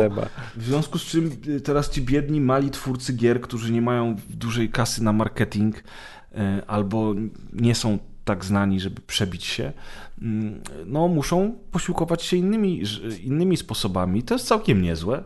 Oczywiście nie będziemy teraz za każdym razem recenzować dem, e, e, ale w ramach newsów opowiem wam właśnie o tych dwóch tytułach, które do nas dotarły e, i które przetestowałem. Pierwszy z nich to jest Sons of Valhalla. Bardzo ładny, taki pixel artowy, tytuł, także Kaz powinien się zainteresować tym tytułem, to jest coś dla niego. Nie wiem, czy Deusz masz jakieś screenshoty teraz przed nosem, czy nie. Mam, w sensie mam wczoraj, ale teraz sobie też odpaliłem. I to jest, słuchaj, znowu rogalik, jakby jak? ciekawe, że one jeszcze nie umarły, ale on jest tak na tyle pomysłowy, że w sumie spoko, bo to jest, to jest w sumie gra strategiczna, trochę połączona z takimi mobami, gdzie ty jako dowódca tworzysz budynki w swojej bazie, produkujesz wikingów, no bo oczywiście, że to są znowu wikingowie. Moim zdaniem w ogóle wikingowie to, to takie współczesne zombie. Wszystkie Albo gry są z wiking... Tak, wszystkie gry są z wikingami teraz. Cały czas wikingowie, wiesz. E, no, taka moda. W każdym razie tworzysz sobie tą wioseczkę, stawiasz sobie y, y, na przykład chatkę tego, y, no, rybaka żeby łowił ryby, y, stawiasz baraki i zbierasz tam surowce, plus tobie statki dowożą, nie wiem, czy to jest lenno, czy to są łupy z wypraw e, wikingów, pewnie to drugie, znając wikingów, e, i dowożą ci surowce, które będziesz wykorzystywał na nie tylko budowę domków, ale również na e, na przykład ulepszanie pancerza, tarczy, szybszy atak. No i teraz masz bardzo proste rozkazy, bo możesz swoim tym ludkom takim mobowym albo kazać iść za tobą, albo zatrzymać się w miejscu, albo spotkać się pod bramą two twojej bazy, żeby owej bramy bronić. Na drugim końcu... I wszystko jest przedstawione w ogóle w 2D, nie? Więc widzisz to trochę jak w Mario Bros. czy też Wings of Fury. E, masz nawet taką mapę na dole, która ci pokazuje, jak to się przesuwa, żebyś wiedział, gdzie są twoje jednostki, gdzie są jednostki wroga. No i ty musisz iść do przodu i kolejne osady zdobywać, żeby na końcu spotkać się z jakimś bossem, czyli wiecie, i potem zakładam, że potem będą kolejne, kolejne takie, to, czyli tak jak to było Faster Than Light, tak jak to było, nie wiem, w, kurczę, w, w Dead Cells chociażby. Tylko, że tutaj oczywiście mamy trochę inną grę yy, i, i jest tam trochę strategii, musimy pomyśleć, czy tych ludzików wysłać, czy nie. Do tego nasz, nasz woj, nasz. Yy, Jarl, czyli dowódca, y, może robić przewroty, może zasłaniać się tarczą, może atakować y, silnym lub lekkim ciosem i używać łuku, a później też włóczni. Więc to jest spoko, bo to jest całkiem rozbudowane i ty też bierzesz sam udział w tej walce. Oczywiście twoja jednostka jest dużo silniejsza niż twoi kingowie, więc możesz wielu kolesi tam zadziabać pod warunkiem, że będziesz robił uniki, zasłaniał się tarczą przed włóczniami, które rzucają przeciwnicy z wieży strażniczej, etc. I jeżeli mam być szczery, to mi się to spodobało. Jestem zaskoczony, bo, bo myślałem, że, że machnę ręką, a tymczasem. Na pikselowego indyka. Tak, a tymczasem naprawdę mi się to spodobało. Ty, jak zobaczyłeś te screenshoty, to mówiłeś coś o, o tym, że to wygląda jak Kingdoms. Yy, tak, yy, ta gra, nie, yy, Kingdoms to Crowns była taka, ty, taki tytuł. Tak, i ona też była taka 2D, nie? I tam się yy, Tak, tak, tak. Dość podobna grafika. Ale gameplay? Yy, tam był bardziej przygodówkowy ten gameplay. No właśnie, tego, nie? On, on no to, to, tutaj to z tego co mówisz, to jest jednak taki yy, budowanie bazy i no, jak raczej opieramy się na budowie i produkcji z tym, mm -hmm. z takim twistem rogalikowym niż yy, a tamte Kingdoms to Crowns to, to jednak gameplayowo była inna gra. A, no tak, właśnie ten twist y, rogalikowy jeszcze, bo nas na ziemię zsyła Odyn, dlatego że my w intrze giniemy, a płynęliśmy po to, żeby uratować... No nie ma gry o wikingach bez Odyna. Tak jest. E, a płynęliśmy w ogóle y, w intrze po to, żeby uratować jakąś panią. No i Odyn mówi, że o, nasza misja się jeszcze nie skończyła, nie pójdziemy do Walhali, dopóki rzeczywiście tej pani nie uratujemy. I teraz w trakcie gry zdobywamy runy, a te runy to są po prostu e, dodatkowe skille, które do naszego ekwipunku lądują, czyli na przykład tam, wiecie, no 10% większa szansa na coś, albo mocniejsza tarcza. Standard w rogalikach. I teraz jak zginiemy, to jeżeli mamy przy sobie runy, to Odyn jedną runę sobie zabiera i z powrotem zsyła nas na ziemię. Nie wiem, co się dzieje, jak te runy stracimy. Nie, nie mam pojęcia. To się w pełnej wersji będziemy martwić. Natomiast taki właśnie typowy rogalikowy sznyt tutaj jest. Ale, ale bawiłem się dobrze, bardzo dobrze. Nie spodziewałem się, że, że to mnie tak wciągnie. Także no, to... Valhalla to jak będziemy pamiętali, albo jak słuchacze będą pamiętali o, przy Steam Next, Steam Next Festie, tak? Mhm.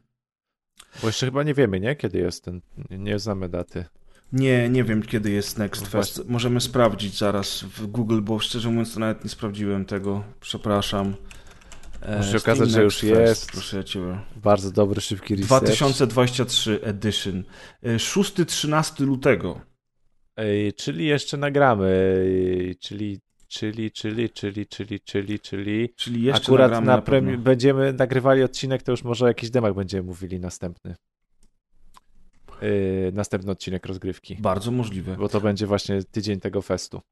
Bardzo możliwe. No i druga gra, słuchajcie, przyszła do mnie, drugie demo, yy, które, które również yy, ogracie na, na tym Next Festie, przyszło do mnie od, yy, od polskiego mm, Event Horizon. Nie wiem, czy pamiętacie, dawno, dawno temu byłem u nich w Gdyni w, w ich biurze zrobić taki wywiad.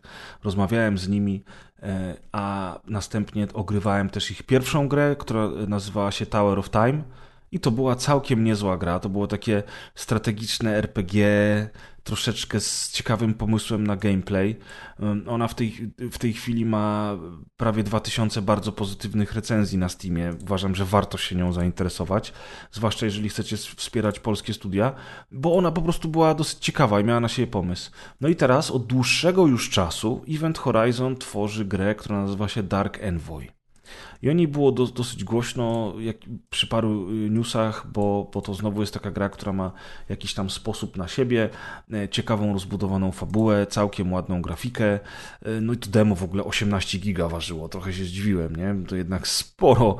Mm, I, i pograłem chwilę w to, w to Dark Envoy czyli mroczne RPG z taktycznymi walkami w czasie rzeczywistym, e, rzeczywistym nawet bym powiedział.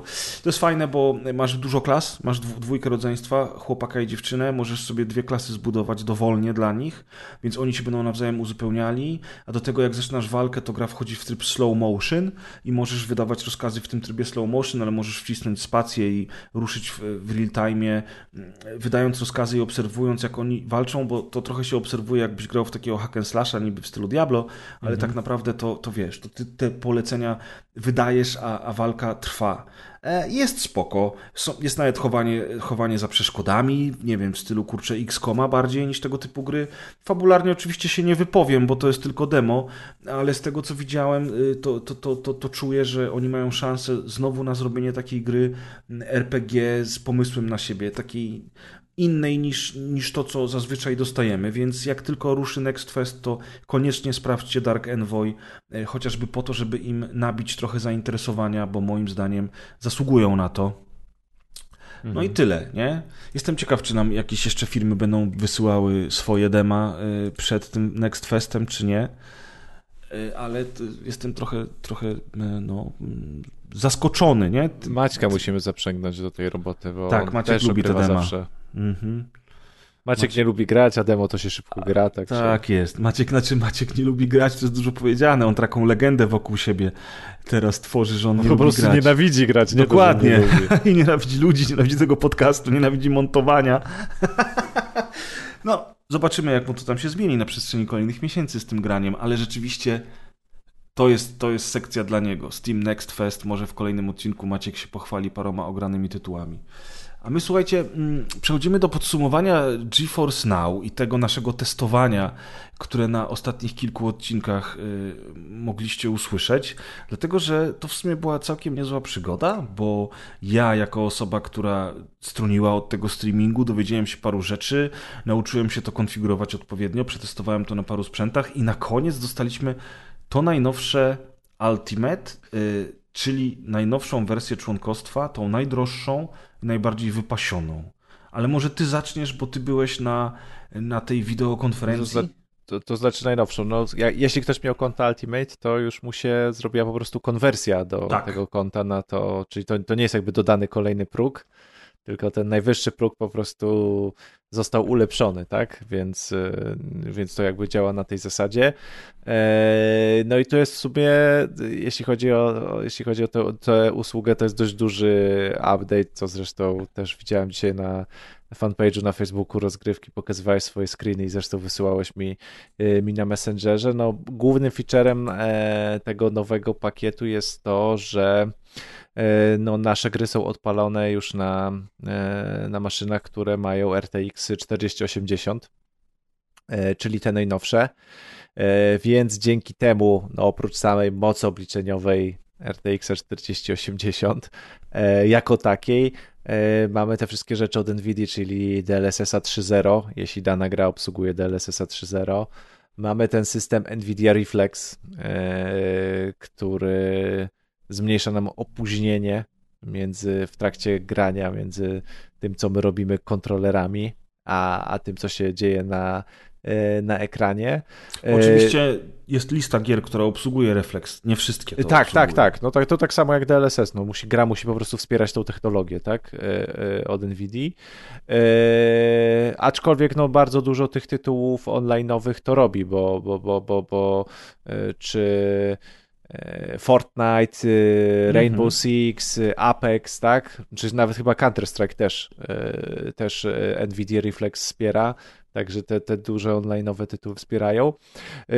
Wzrósł nam klatkarz, tak, czyli to jest kolejne polskie słówko wspaniałe, klatkarz. przetłumaczone, klatkarz, czyli teraz mamy maksymalnie 240 FPS-ów, w trybie Full HD oczywiście. W trybie Full HD, jeśli w ogóle ktoś ma taki ekran, który to potrafi wyświetlić, bo to też nie jest oczywiste. Dokładnie. E, jeśli chodzi o odświeżanie.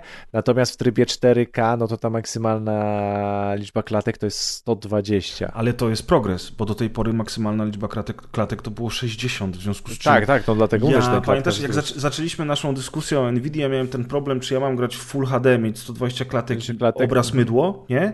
Ale dużą responsywność, czy w 4K, gdzie gdzie, ten obraz jest ostry, ale jednak ta responsywność jest mniejsza, no bo ta ilość klatek maksymalna to jest 60. Przy streamingu ilość klatek jest szalenie ważna. No i y, odpalałeś dosłownie, nie wiem, 3 godziny temu, tak? Tak, gry. Odpalałem teraz, odpalałem teraz tę wersję Ultimate na 4080 i jestem w ciężkim szoku, bo no, dostałem wreszcie to, czego chciałem. To znaczy, mam 4K, mam wszystko na maksa, nawet nie muszę włączać DLSS-a, bo 4080 jest tak mocną kartą i mam 120 klatek, dzięki czemu grałem, słuchajcie, w, grałem w Battlefield 2042 i grałem w Hitmana trzeciego, testując to właśnie na najwyższych ustawieniach, z ray tracingiem, bez włączonego DLSS-u i przy, 4, przy rozdzielczości 4K z najwyższymi ustawieniami Battlefield to jest około 80 klatek. To w zupełności wystarczy do płynne, płynnego grania. Jak włączyłem sobie Full HD, to miałem cały czas 120 klatek i to tam, tam, tam wtedy, wtedy niestety jest dalej mydło. To mydło tam jest, ja nie, nie będę mówił, że go nie ma. Mnie to boli w oczy, ale na szczęście już jest 4K na 120 klatek. Ale z, z, z, dziennikarskiego obowiązku sprawdziłem to Full HD. Tam jest taka płynność, że nie ma mowy o żadnym, najmniejszym nawet lagu. No i drugą grą, którą testowałem. No tak, bo myśmy nawet razem grali, przecież tak. ty grałeś na Nvidia, graliśmy wspólnie tak, w, bo ty, ty masz, Battlefielda. Tak jest, bo tym, my wróciliśmy zresztą do Battlefielda z Amadeuszem, teraz ta, gra jest dużo, dużo lepsza niż była na premierę, jest ona w Game Passie, ma crossplay, więc ja polecam, yy, bo to jest po prostu teraz wreszcie dobra gra. W nią się gra tak, jak dobrze grało się w Battlefielda 4, tak teraz w to gra się równie dobrze. Yy, no i faktycznie, ty, ty grałeś na swoim mocnym komputerze, Inni y, nasi koledzy grali na komputerach, a ja tym, w tymczasem grałem, y, grałem na, na, na GeForce Now i w ogóle nie było problemu z tym, żeby, żeby grać. Tylko, że ja jeszcze grałem przed tym Ultimate, pamiętaj o tym. Ja nie no miałem no, tak, wtedy tak, 4080. Tak, tak. No dzisiaj już, już, już miałem 4080, testowałem to i po prostu Szaleństwo, szaleństwo, jak to dobrze chodzi. Ja wiem, że tutaj część graczy teraz mówi, no tak, e, odcinek powstał e, przy współpracy z firmą Nvidia, w związku z czym oni tak mówią, bo muszą. To gówno prawda. Od dziś, tak jak powiedziałem ci, od 10 lat e, piszę o grach, mówię, wrzucam zajawki, informuję ludzi na grupach o promocjach, niepromocjach, jaramy się tą technologią. Sami ostatnio przecież dużo dyskutowaliśmy, prawda, Amadeusz, na temat grania mobilnego, na temat tych joysticków wszystkich, których używamy, etc. I to jest po prostu też kolejna kolejna zajawka. Ja już zacząłem testować na mobilce granie y, w, z Game Passa, nie? W streamu, w mhm. streamie. Mhm. I to też jest świetna rzecz w ogóle. Nie dość, że te gry w Game Passie są darmowe, więc płacisz tylko za Game Passa. W przeciwieństwie do Nvidia, gdzie tutaj musisz grę kupić, to jeszcze wiesz, bierzesz są ten kontroler, y, podłączasz do komórki i grasz wszędzie tam, gdzie masz dobry internet.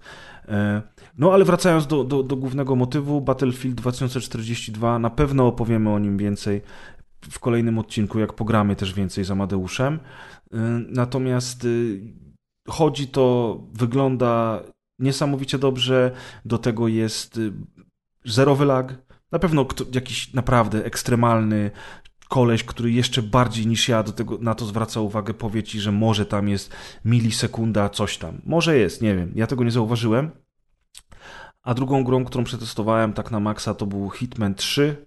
Y, ustawienia ultra, rozdzielczość 4K, pełen ray tracing, znowu bez DLSS-a, no to Hitman y, na streamie 120 y, miał 140 klatek. No tak, a tam jest ta mapa w Hitmanie 3, to jest Dubaj, tak? Ta pierwsza początkowa? Tak. Uh-huh. To tam jest gdzieś, gdzie jest gdzie ray tracingowi rozwinąć skrzydła. Wiem, wiem, że ty nie za bardzo tak przypadasz za ray tracingiem, bo wolałbyś, żeby była większa płynność, a mniej ray tracingu ale no są tytuły, są lokacje, nie wiem, jest stylistyka gry, gdzie ten ray tracing naprawdę dużo robi. Tak, i to właśnie Hitman jest, jest, jest taką grą, bo jeżeli mam być szczery, to ja w Battlefieldzie tego nie widzę.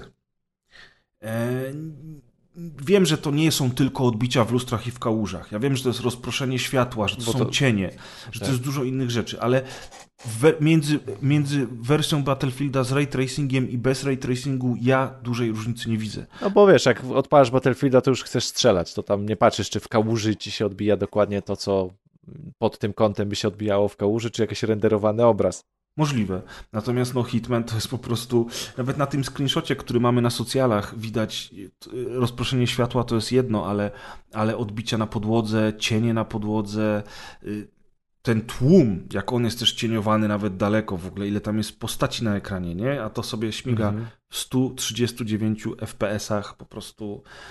Z tym, że tłumaczę, nie? 129 FPS-ów to jest ilość FPS-ów, którą generuje komputer czy tam serwer NVIDIA, który stoi we Frankfurcie. Natomiast przesył, który leci do mnie, to jest maksymalnie 120 klatek, więc to jest nawet lepiej, że on generuje ponad te 120 klatek, bo wtedy do mnie przychodzi równe 120 klatek i to w ogóle nie spada, nie? Ja mam cały czas płynne 120 klatek, zakładając oczywiście, że mój monitor obsługuje 120 Hz. No tak. Bo inaczej para w gwizdek jest obliczeniowo i tak, 60, tak. 60 klatek idzie na ciepło karty graficznej we Frankfurcie. Ale przynajmniej nie mojej karty graficznej, bo nie, nie stać mnie na 40-80, wiesz.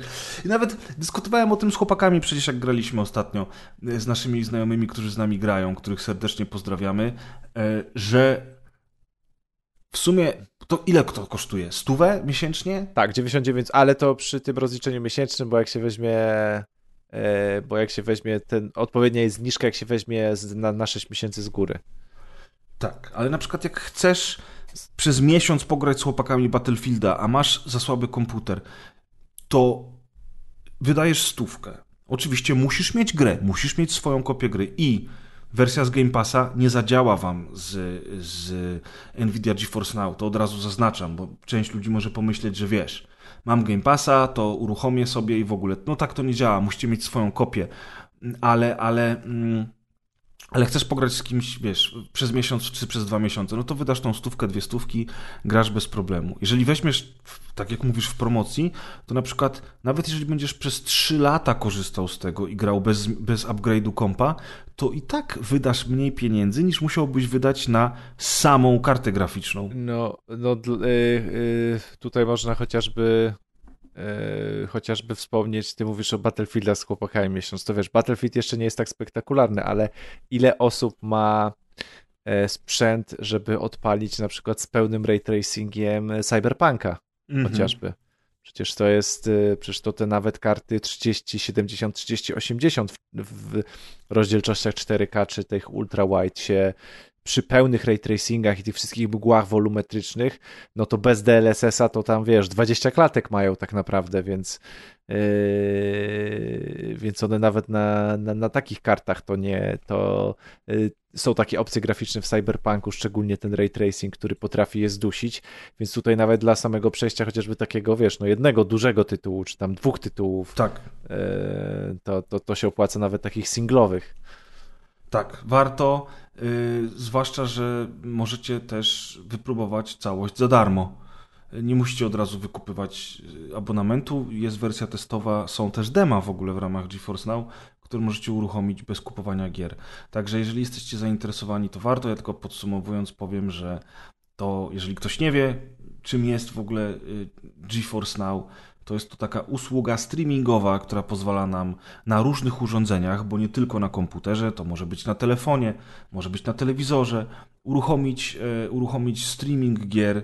Te gry są uruchamiane w centrali NVIDIA, na serwerach, które są blisko waszej lokalizacji e, i do was na na wasz ekran leci po prostu obraz no tak. tej gry. No ale sprzęt sobie można bezpłatnie, w sensie, nie wiem, swoje połączenie internetowe, telewizor, boxa, komputer można sobie przetestować tak, bezpłatnie. No i tylko oczywiście trzeba mieć mocne łącze do tego. No i a propos sprzętu, pamiętasz na początku y, Kaz narzekał, że to jemu źle działa. Mm, próbowaliśmy mu tłumaczyć, czemu to źle działa, mm, ale rzeczywiście mógł mieć problem i mm, ja też musiałem jakby pozmieniać ustawienia, pobawić się w tym, żeby to, to wyglądało, działało jak trzeba y, i wtedy już, już było lepiej, ale na przykład telewizory LG, ja mam telewizor LG, dostały ostatnio aplikację GeForce Now y, i w ramach testów również zainstalowałem tę aplikację, sparowałem pada od Xboxa przez Bluetooth z moim telewizorem, Zresztą to jest niesamowite, że można takie rzeczy robić, nie? Jak już wszyscy będą mieli światłowody w domu i po prostu nie będzie trzeba mieć ani konsoli, ani e, komputera, żeby zainstalować apkę Xboxa albo GeForce Now i po prostu grać na telewizorze, to jest po prostu, mnie to rozwala, jak, jaka to może być fajna przyszłość, nie? Same abonamenty, samo, albo kupowanie gier bez kupowania hardware. Ja wiem, że wiele osób teraz w ogóle zgrzyta zębami i mówi nie, gdzie moje wszystkie pudełka? Gdzie moja własność? Moja własność! Ja muszę mieć komputer, tak, który będzie mi zżerał prąd i który będę musiał co 3 lata aktualizować. O, ruchajcie mnie bardziej! Nie, żartuję, rozpędziłem się, ale... No, ale taka jest przyszłość grania, moi drodzy, no po prostu. E...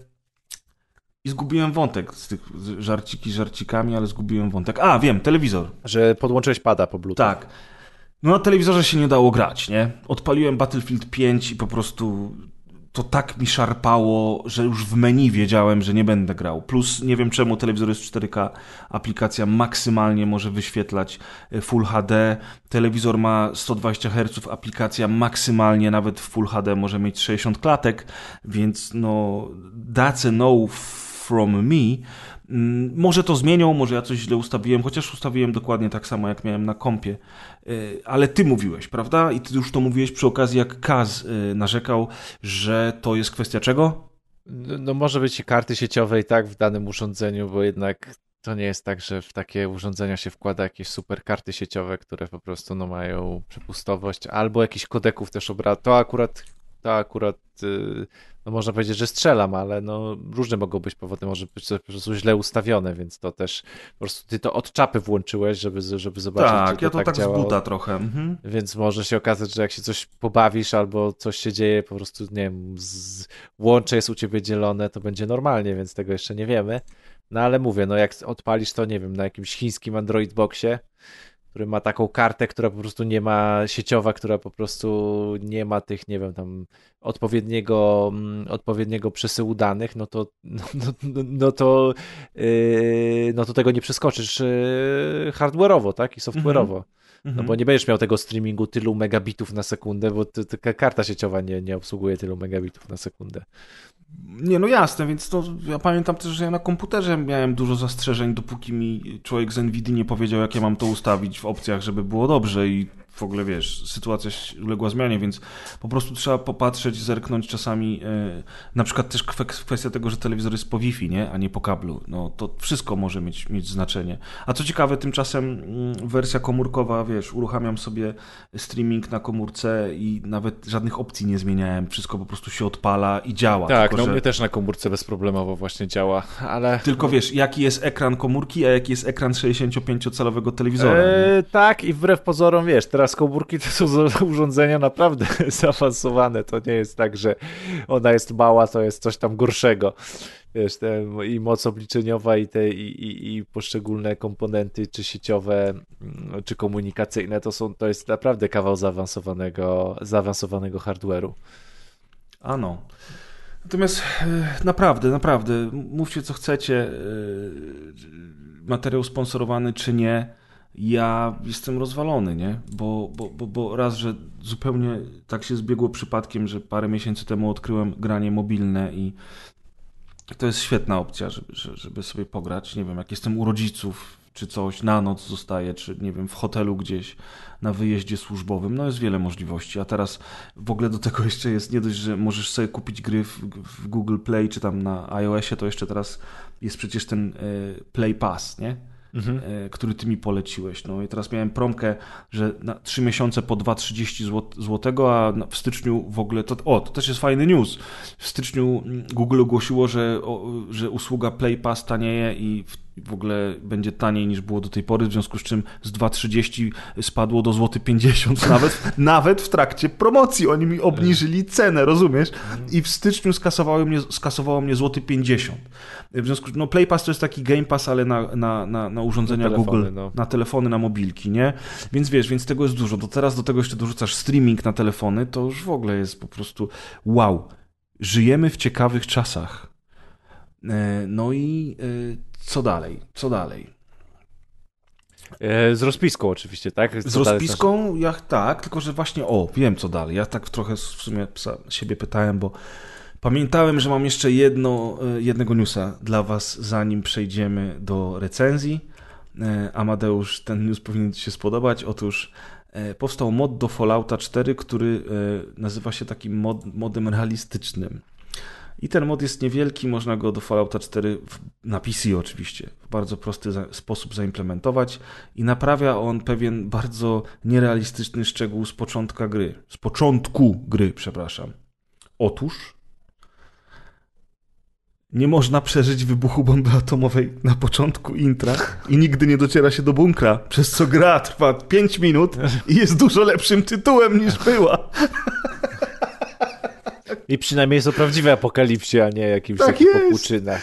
Wiesz, w telewizji Ron Perlman mówi, że ma bardzo złą wiadomość, bo w tym i w tym danym rejonie doszło do wybuchu jądrowego i mają potwierdzenie. Na, Załamuje ręce i mówi: O mój Boże, transmisja się kończy.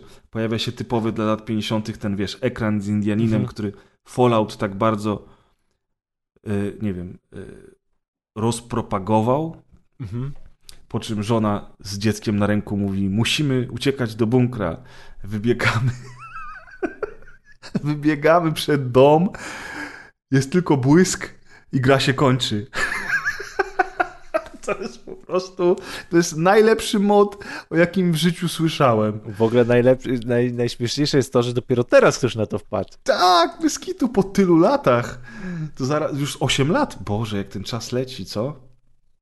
Ciekawe, czy to ktoś na przykład, czy to jakiś tam, ciekawe kto jest autorem, czy to nie jest tak, że wiesz, student jakiejś fizyki, jak na jakimś wykładzie z fizyki jądrowej, yy, jakieś tam symulacje, wiesz, bomby atomowej, czy wybuchów jądrowych, że tego się tam nie da przeżyć o takiej mocy, sobie myślał, ty, grałem Fallouta, przecież to jest nierealistyczne, musimy coś z tym zrobić. I wrócił do domu i z kolegami postanowił zrobić moda. Jezus Maria.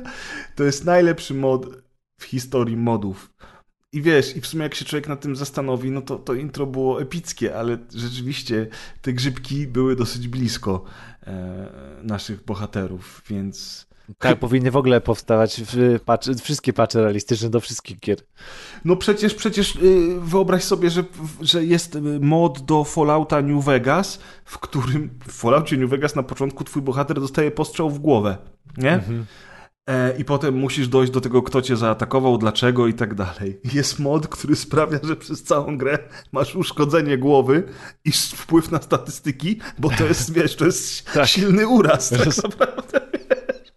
No, to są, to są piękne pomysły, to są tak dobre pomysły. Prawdziwy survival jest wtedy. Tak, no, to jest, to jest coś pięknego. No, plus w ogóle, jeżeli jesteście zainteresowani modami do Fallouta, to Fallout 4 na pewno, ale inne pewnie też mają e, takie tryby realizmu, które powodują, że gra jest e, no, dużo bardziej ciekawa, dużo bardziej rozbudowana, dużo bardziej wymagająca. E, Nie jest to takie proste i uproszczone, jak, jak to zazwyczaj w grach bywa. Jak ja kiedyś może bym sięgnął po tego moda realizmu, to na pewno będzie lepsza gra wtedy. Tylko jeszcze niech zrobią mod, w którym się nie buduje w Falloutach i już w ogóle byłoby super. Mm, jeszcze jeden, żeby fabuła w czwórce była dobra. Czy już za, za, chyba za wiele, myśl, myślę, że wymyśliłeś nową grę w tym momencie. Tak, dokładnie. Chyba już o za wiele proszę. Mod o ten, mod o tym, że nie ma budowania spoko. Daj nam kurczę pół roku, ale fabuła, sorry, z tym nic nie możemy zrobić. Mhm. Amadeusz, Tak, przechodzimy do działu gier. tak jest.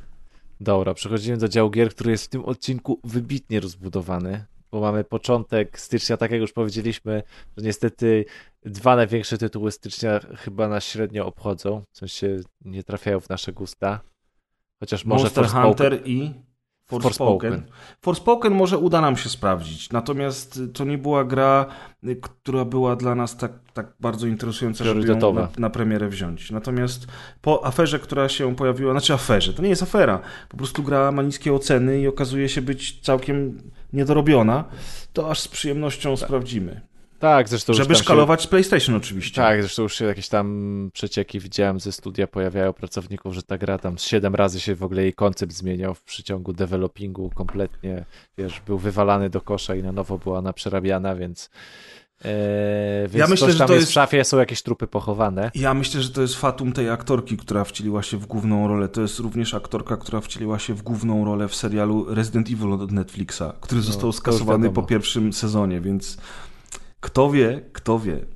E, w takim, i, i, I z tego powodu ja nadrabiam, e, z tego powodu, że mam teraz odrobinę więcej czasu niż w zeszłym roku, to nadrabiam sobie powoli tytuły, e, szczególnie indyki, które nie udało mi się sprawdzić, których nie udało mi się sprawdzić w zeszłym roku. I z tej takiej mojej epickiej listy, o których już rozmawialiśmy w newsach, przyszła kolejna Tinykin.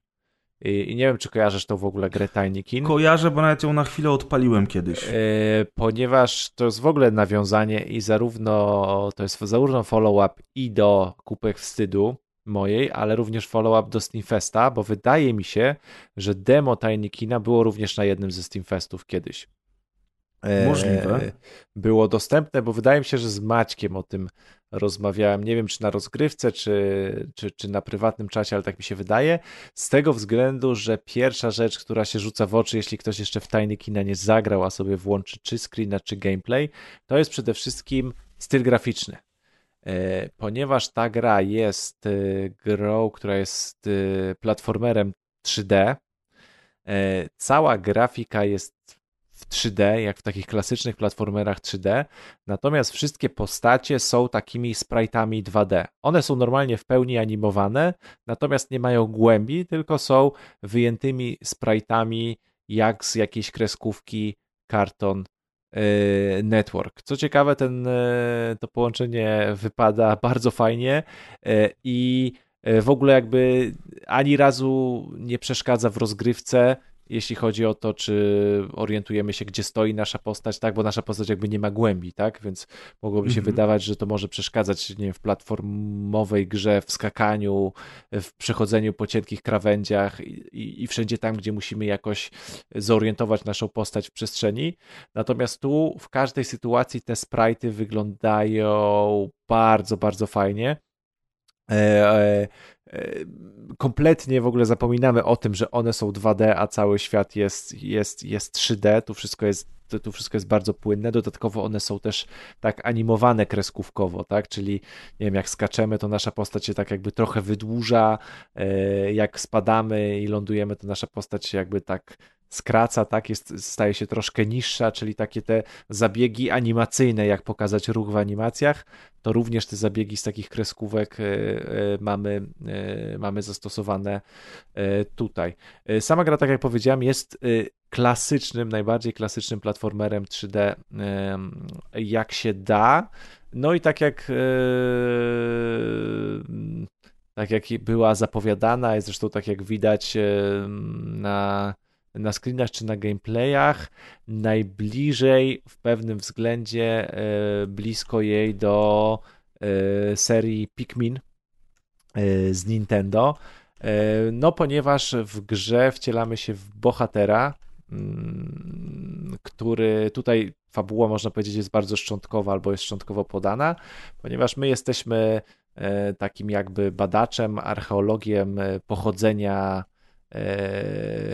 pochodzenia ludzkości, ale jesteśmy tym archeologiem jakby w kosmosie. Kosmos jest naszym, w sensie nasz układ, nasza planeta, nasz układ e, dany gwiezdny w kosmosie jest, jest, jest naszym, naszym domem rodzinnym, a my jesteśmy, my postanawiamy e, poszukać ludzkości, E, wczesnych śladów ludzkości. E, odbieramy sygnał z, z jakiejś tam galaktyki, e, który to sygnał wskazuje, że tam właśnie ludzkość może mieć swoje prakorzenie. No i jak nasz bohater wyrusza w poszukiwaniach tego, tego sygnału, to trafia na naszą Ziemię, czyli na tą, na której my teraz żyjemy, ale co ciekawe, jak trafia do, jak trafia na tą Ziemię i budzi się w domu zwyczajnym, to okazuje się, że my jesteśmy e, wielkości, no nie wiem, mrówki, czy też mhm. owada, czyli taki klasyczny setting, z, kochanie zmniejszyłem dzieciaki, albo z, jak z tego tytułu Grounded też z ostatnich, z ostatnich miesięcy. No i w sumie tyle, tyle wiemy. E, wiemy również to, że e, aby wrócić z powrotem do, do swojej galaktyki, musimy zbudować pojazd. Ten pojazd się składa z kilku elementów, które głównych elementów ich jest e, bodajże sześć, które te elementy znajdziemy w tych sześciu różnych lokacjach, czyli każdy element w każdej lokacji. No i gra polega po prostu, jest platformerem, czyli po prostu polega na tym, że trafiamy do danej lokacji i musimy znaleźć ten dany element. No i w tym znajdowaniu y, lokacje są otwarte, czyli powiedzmy, jeśli lokacją jest pokój jakiś, to cały ten duży pokój jest dla nas otwarty, możemy chodzić gdzie chcemy, E, gra jest grą taką platformówką eksploracyjną, czyli polega na tym, żebyśmy w końcu w tym e, pokoju dany ten przedmiot odnaleźli. E, główną rzeczą, głównym takim tym featurem tej gry jest to, że w każdym, że w każdym tych etapie zbieramy te tytułowe tiny kiny, czyli to jest na screenach, to są te małe małe stworzątka, które za nami biegają, które wyglądają jak wielkie oczy animowane E, które można porównać do tych Pikminów z serii Pikmin, e, które nam pomagają różne rzeczy wykonywać, czyli one nam pomagają przesuwać obiekty, e, bo ich jest kilka rodzajów jest tych tiny kinów.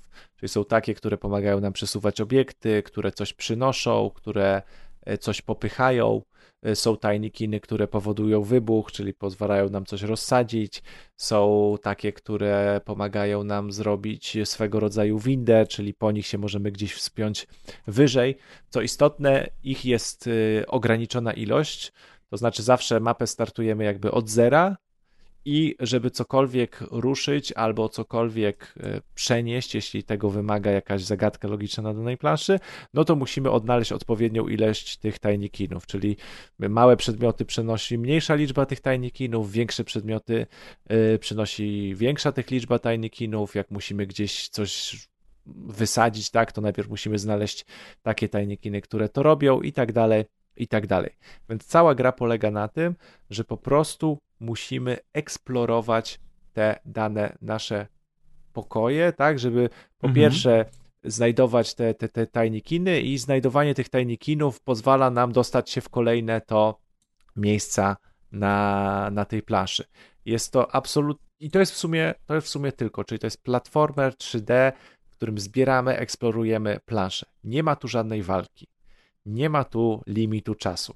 Śmierć nam absolutnie nic nie robi, po prostu cofamy się 3 sekundy. Śmierć, no na przykład jak spadniemy z jakiejś krawędzi, tak, z wysoka, albo nie wpadniemy do wody, tutaj woda stanowi taką lawę, tak, ale, ale tak naprawdę ekran gaśnie i jesteśmy 3 sekundy przed skokiem z powrotem. Nie mamy limitu tych śmierci. Także to jest absolutnie gra, e, w której chodzi o eksplorację, o, o ten element platformówkowy. Dzięki temu się nie frustrujemy. Dla mnie to jest wręcz po prostu gra zen, bo ona wygląda przepięknie, w ruchu wygląda super, ale to, co naprawdę jest yy, ciekawe w tej grze i wręcz imponujące, to jest to, jak dobrze jest ona zaprojektowana. To znaczy, te poziomy są po pierwsze duże, są wielo poziomowe, są wertykalne, to znaczy możemy się wspinać, mamy różne poziomy, e, są rozbudowane, czyli mamy jakieś przejścia, mostki, zapadnie. Dodatkowo bardzo dużo mamy tych elementów takich logicznych, czyli że coś trzeba wcześniej przełączyć, przejść tutaj.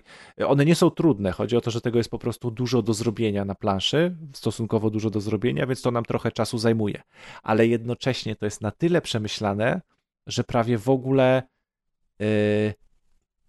prawie w ogóle nie robisz takiego, można powiedzieć, lokalnego backtrackingu, czyli nie jest tak, że na przykład wajcha, żeby przełączyć daną rzecz w tym miejscu, znajduje się na przykład na drugim końcu planszy. Nie ma tak, że latasz, wiesz, z jednego końca na planszę, z drugiego mhm. końca na planszę, żeby tylko wydłużyć rozgrywkę. Nie. Jak lądujesz na danej planszy i sobie pójdziesz w określone miejsce, w róg pokoju powiedzmy, i zaczniesz sobie powoli zbierać te tajnikiny i powoli tamtą rzecz eksplorować, to ilość tych tajnikinów, które zbierasz i rzeczy, które już masz, pozwalają ci w miarę wyeksplorować dane miejsce pokoju. Czyli od którego miejsca byś jakby nie zaczął, to bez problemu sobie radzisz i możesz przejść coraz to, coraz to, coraz w dalsze etapy tego pokoju i prawie w ogóle nie musisz robić takiego powtarzania, wracania się do plansz i, i nie masz takiego uczucia, że dobra, a co mam robić teraz? I takiego biegania po prostu, żeby Bez biegać, sensu. żeby znaleźć coś, bo twórcy, żeby wydłużyć rozgrywkę, no, no. ukryli coś w danym miejscu.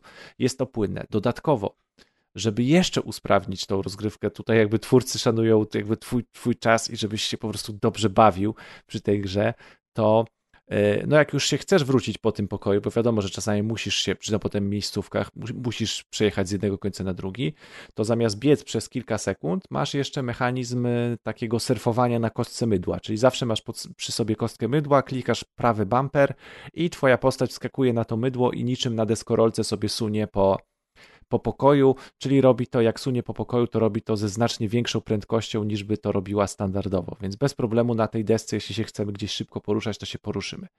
Dodatkowo, jak eksplorujemy już te miejsca gdzieś wertykalnie, to w bardzo wielu istotnych miejscach mamy tak, że yy, możemy spuścić jakby linę, czy też jakąś drabinę, która nam pozwoli bardzo szybko wrócić do tego miejsca. Czyli jeśli jak pokonujemy jakiś element platformowy, y, możemy spuścić sobie w odpowiednim miejscu linę i później jak mamy jakiś trudniejszy element platformowy i spadniemy, to nie musimy od nowa tam wchodzić, tylko bardzo szybko, wiesz, w kilka sekund jesteśmy w tym miejscu, w którym w którym, e, w którym występował ten trudny element, bo przed tym trudnym elementem była ta lina, do której my już doszliśmy i ją sobie spuściliśmy. Więc bardzo sprawnie po miejscach, które już raz odwiedziłeś, możesz się poruszać, bo możesz, wiesz, na tym mydełku mhm. sobie gdzieś tam przejechać, wejść na tą miejscówkę i tak naprawdę ta eksploracja pokoju, który już raz zwiedzi, czy tych, tych miejsc, które już raz zwiedziłeś, jest bardzo ułatwiona. Dodatkowo, żeby jeszcze to ułatwić, E, w grze e, spotykamy no, różne postacie poboczne, bo oprócz głównej misji, czyli znalezienia tego głównego przedmiotu na, na tej mapie, gdzie zwykle trzeba bardzo kilka elementów odblokować, żeby dopiero ten przedmiot e, dosięgnąć, czy móc go uzyskać, to na mapie spotykamy wiele takich stworzeń, które przypominają owady, jakieś mrówki, chrząszcze i tak dalej, które sobie w tym domu rezydują. Czyli nie wiem, gdzieś w pianinie sobie mrówki mają klub nocny, tak? Hmm. Gdzieś w jakimś y, w jakiejś półce na książki y, domek mają jakieś żuczki i te osoby i te osoby, te, te zwierzątka nam często dają, możemy z nimi pogadać, one nam często dają również misje poboczne. Czyli chcą, żebyśmy na przykład coś znaleźli na planszy dodatkowo i im przynieśli, albo chcemy, chcą, żebyśmy coś gdzieś przenieśli, albo jakieś elementy zebrali. Czyli mamy tutaj takie małe dodatkowe e, poboczne misje, ale oprócz tego mamy takiego pajączka, który w momencie, kiedy dojdziemy w pewne istotne elementy tej planszy, on nam rozpościera taką nić pajęczą, cienką, i na, tę, na tej nici pajęczej możemy sobie grindować na naszej desce, na naszej desce z mydła. Czyli na przykład jest tak, że jesteśmy w jednym rogu pokoju, który już zwiedziliśmy, i zwiedziliśmy drugi róg pokoju, to bardzo często między takimi powiedzmy oddalonymi punktami y, ten pajączek rozpościera tą swoją nić pajęczą i my możemy wskoczyć i z jednego pokoju, z jednego końca pokoju y, czy jakiejś innej lokacji na drugi, dosłownie wiesz, w 10 mhm. sekund przejechać na tej pajęczej sieci i być już w drugim miejscu pokoju. Czyli to poruszanie się po już eksplorowanych miejscówkach jest jeszcze e, przyszypszone. A dodatkowo. Przyszypszone. Przyszypszone, nie ma takiego słówka, nie? Ale właśnie powstało. Ale właśnie powstało. Czyli mam się go nie wstydzić, czyli jest przyszypszone. Tak, to jest przyszypszony odcinek. E, przyszypszony odcinek. E, dodatkowo zamiast takich, dodatkową taką jeszcze mechaniką, która jeszcze usprawnia całe poruszanie się, jest szybowanie na takiej e, bańce mydlanej, która rozpościera się nad głową bohatera. Czyli w momencie, kiedy wyskoczymy, i drugi raz klikniemy przycisk skoku, tak jakbyśmy chcieli zrobić double jumpa, to naokoło głowy naszego bohatera, tak jak taki hełm e, kosmiczny, rozpościera się bańka mydlana, która pozwala e, powoli opadać, czy też szybować naszemu bohaterowi. E, nie jest to mechanika, czyli nie mamy nieskończoną e, ilość czasu na to szybowanie, tylko na początku możemy chwilę szybować i później ta bańka pęka i w miarę progresu i zdoby- progresu na planszy, czy zdobywania kolejnych baniek mydlanych na planszy, ten pasek tego, tych baniek i, i to, jak długo możemy szabować się wydłuża. Ale dzięki temu znów, dzięki temu to nam znów eksplorację przyszybsza, bo możemy sobie zyskakiwać z wyż... na przykład... Boże. Przepraszam. Przyszybsza, no, Przyszybsza, no podoba mi się to na maksa po prostu. Także, także to nam jeszcze bardziej przyszybsza tą eksplorację i możemy sobie spadać na przykład z jakichś wyższych wysokości i przed samym lądowaniem na przykład zacząć szybować. Yy, I, i, i, szybko na przykład schodzić z jakichś miejsc. Albo wykorzystywać te pajęcze nici, które są rozpościerane na tych większych odległościach i na przykład sobie wskoczyć na pajęczą nić, na przykład chcemy na środek pokoju gdzieś w wysokie miejsce, skakujemy w tym momencie na tą naszą, naszą, naszą pajęczą nić i, i na przykład w połowie tej nici zyskakujemy, zaczynamy sobie szybować i opadamy w miejsce, gdzie aktualnie chcemy być. I, i, I to jest po prostu tak przyjemne, to jest wszystko tak przemyślane, te lokacje i to, jak tam się gra, że to jest naprawdę wzór dla platformerów, jak dobrze się poruszasz po tych lokacjach. Dodatkowo y, ta gra jest po prostu przeurocza. No jak się ją zobaczy, jak ona jest w ruchu, to jest dla mnie, to jest taka gra zen, że sobie po prostu bierzesz pada i nawet, nie wiem, odpalasz audiobooka, odpalasz jakiś podcast i sobie po prostu yy, jeśli już wymyślamy nowe słowa, to sobie po prostu siedzisz i platformerujesz. Bo to jest taki czysty platformering w najlepszej postaci. Ta gra jest dopracowana po prostu no, do perfekcji. Tam nie ma żadnych przenikających się obiektów, tam nie ma żadnego się blokowania, E, po prostu jest płynnie, wiesz gdzie dasz radę doskoczyć, wiesz gdzie nie dasz rady doskoczyć, wiesz gdzie dasz radę doszybować, mm, masz dobrą widoczność. Dodatkowo w tej grze są nawet takie, widać, że twórcy zrobili taką grę jak chcieli, bo tam masz nawet takie smaczki jak to, że Yy, powiedzmy, gdy otworzysz, gdy odłożysz pada na chwilę, idziesz siku, zrobić sobie herbatę, e, albo w komórce sprawdzasz kolejny podcast albo RSS-y, to na przykład twój bohater po chwili zasypia, a jak twój bohater zasypia, czyli sobie siada i zaczyna przysypiać i chrapać, to te wszystkie słodkie tajnikiny, co za tobą latają, też sobie siadają i zaczynają przysypiać. Mhm. I wiesz, jak bierzesz pada, to one się nagle tak budzą taką fajną animacją. To jest to, że jak zaczynasz surfować na tej desce z mydła i na przykład surfujesz po takim dywanie z dużym włosiem, to to włosie się tak rozstępuje i za tobą zostaje ślad po tym surfowaniu z mydła. To jest to, że na przykład jak tym e, jedziesz na tym mydle i, i najeżdżasz na jakiegoś e, NPC-a, czyli na jakąś mrówkę, która gdzieś stoi, to nie jest tak, że mam jakieś takie, wiesz, typowe blokowanie się z obiektów, czyli na przykład, nie wiem, odbijasz się tak, jak od jakiejś ściany, gdzie po prostu jest oprogramowana jakaś kolizja i tyle, tak? I, i, i taka zwykła kolizja, tylko twój bohater robi po prostu takiego albo oli, albo showwita nad tą postacią, na którą akurat najeżdżasz, żeby jej nic nie zrobić. Więc nawet takie drobne elementy, ta gra jest nawet dopracowana w takich drobnych elementach, Y, gameplayu, tak, żeby była cały czas spójna, żeby nie było tych takich, wiesz, gamizmów, jakiegoś właśnie dziwnego blokowania się postaci.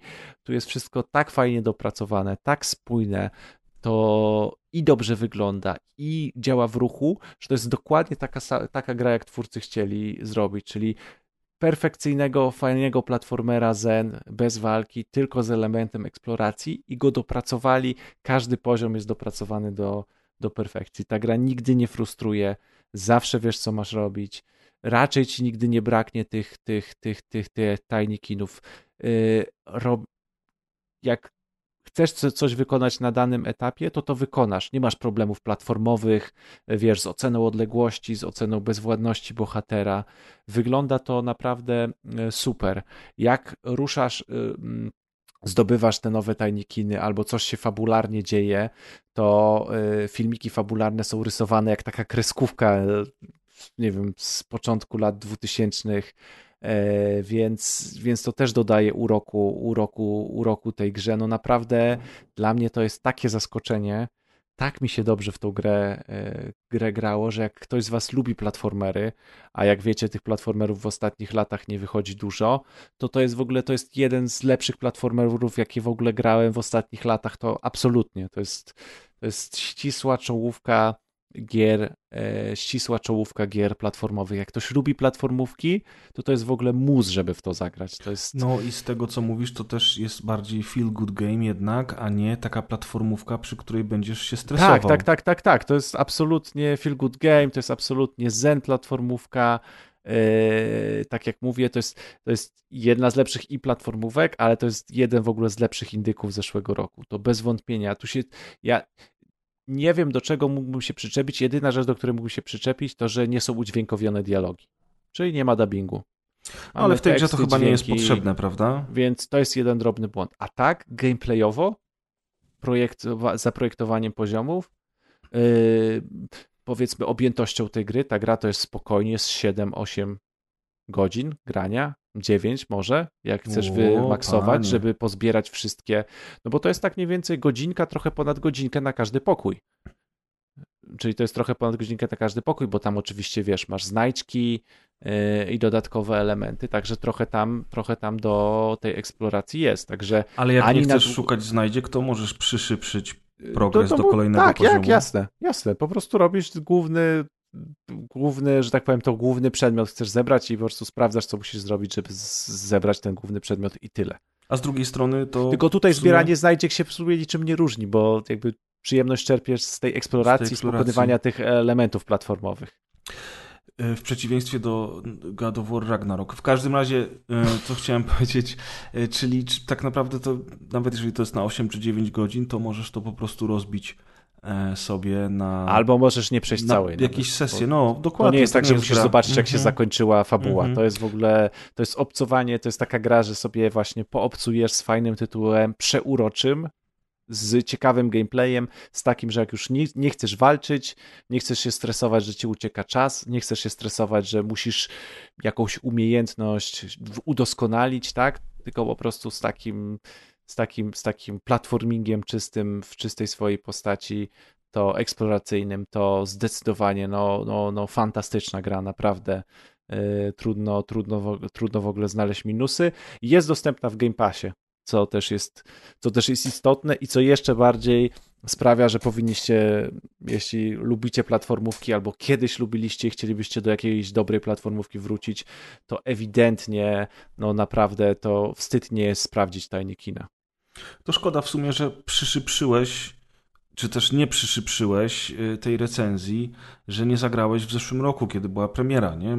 Chociaż z drugiej strony, jeżeli gra jest nadal w Game Passie, to to jeszcze jest możliwość, żebyście zagrali, moi Tak, drodzy. to jest w ogóle, ta gra się powinna w ogóle w podsumowaniach wszystkich gier indie znajdować według mnie. O, A czy się znajduje? Trochę nadrabiam, no w niektórych, w sensie y, ta gra zebrała dobre oceny, ale chyba mi się wydaje, że w takich ogólnych, większych portalach, w podsumowaniach raczej się o niej nie mówi, a naprawdę no, tytuł jest tak dopracowany, że, e, że, że, że, aż mnie to zdziwiło, że, że to jest tak dobra gra. No bo spodziewałem się fajnego indyka, ale w ogóle no przepadłem. Jednego wieczoru to w ogóle przepadłem w to, jak to jest, jak to jest świetny tytuł.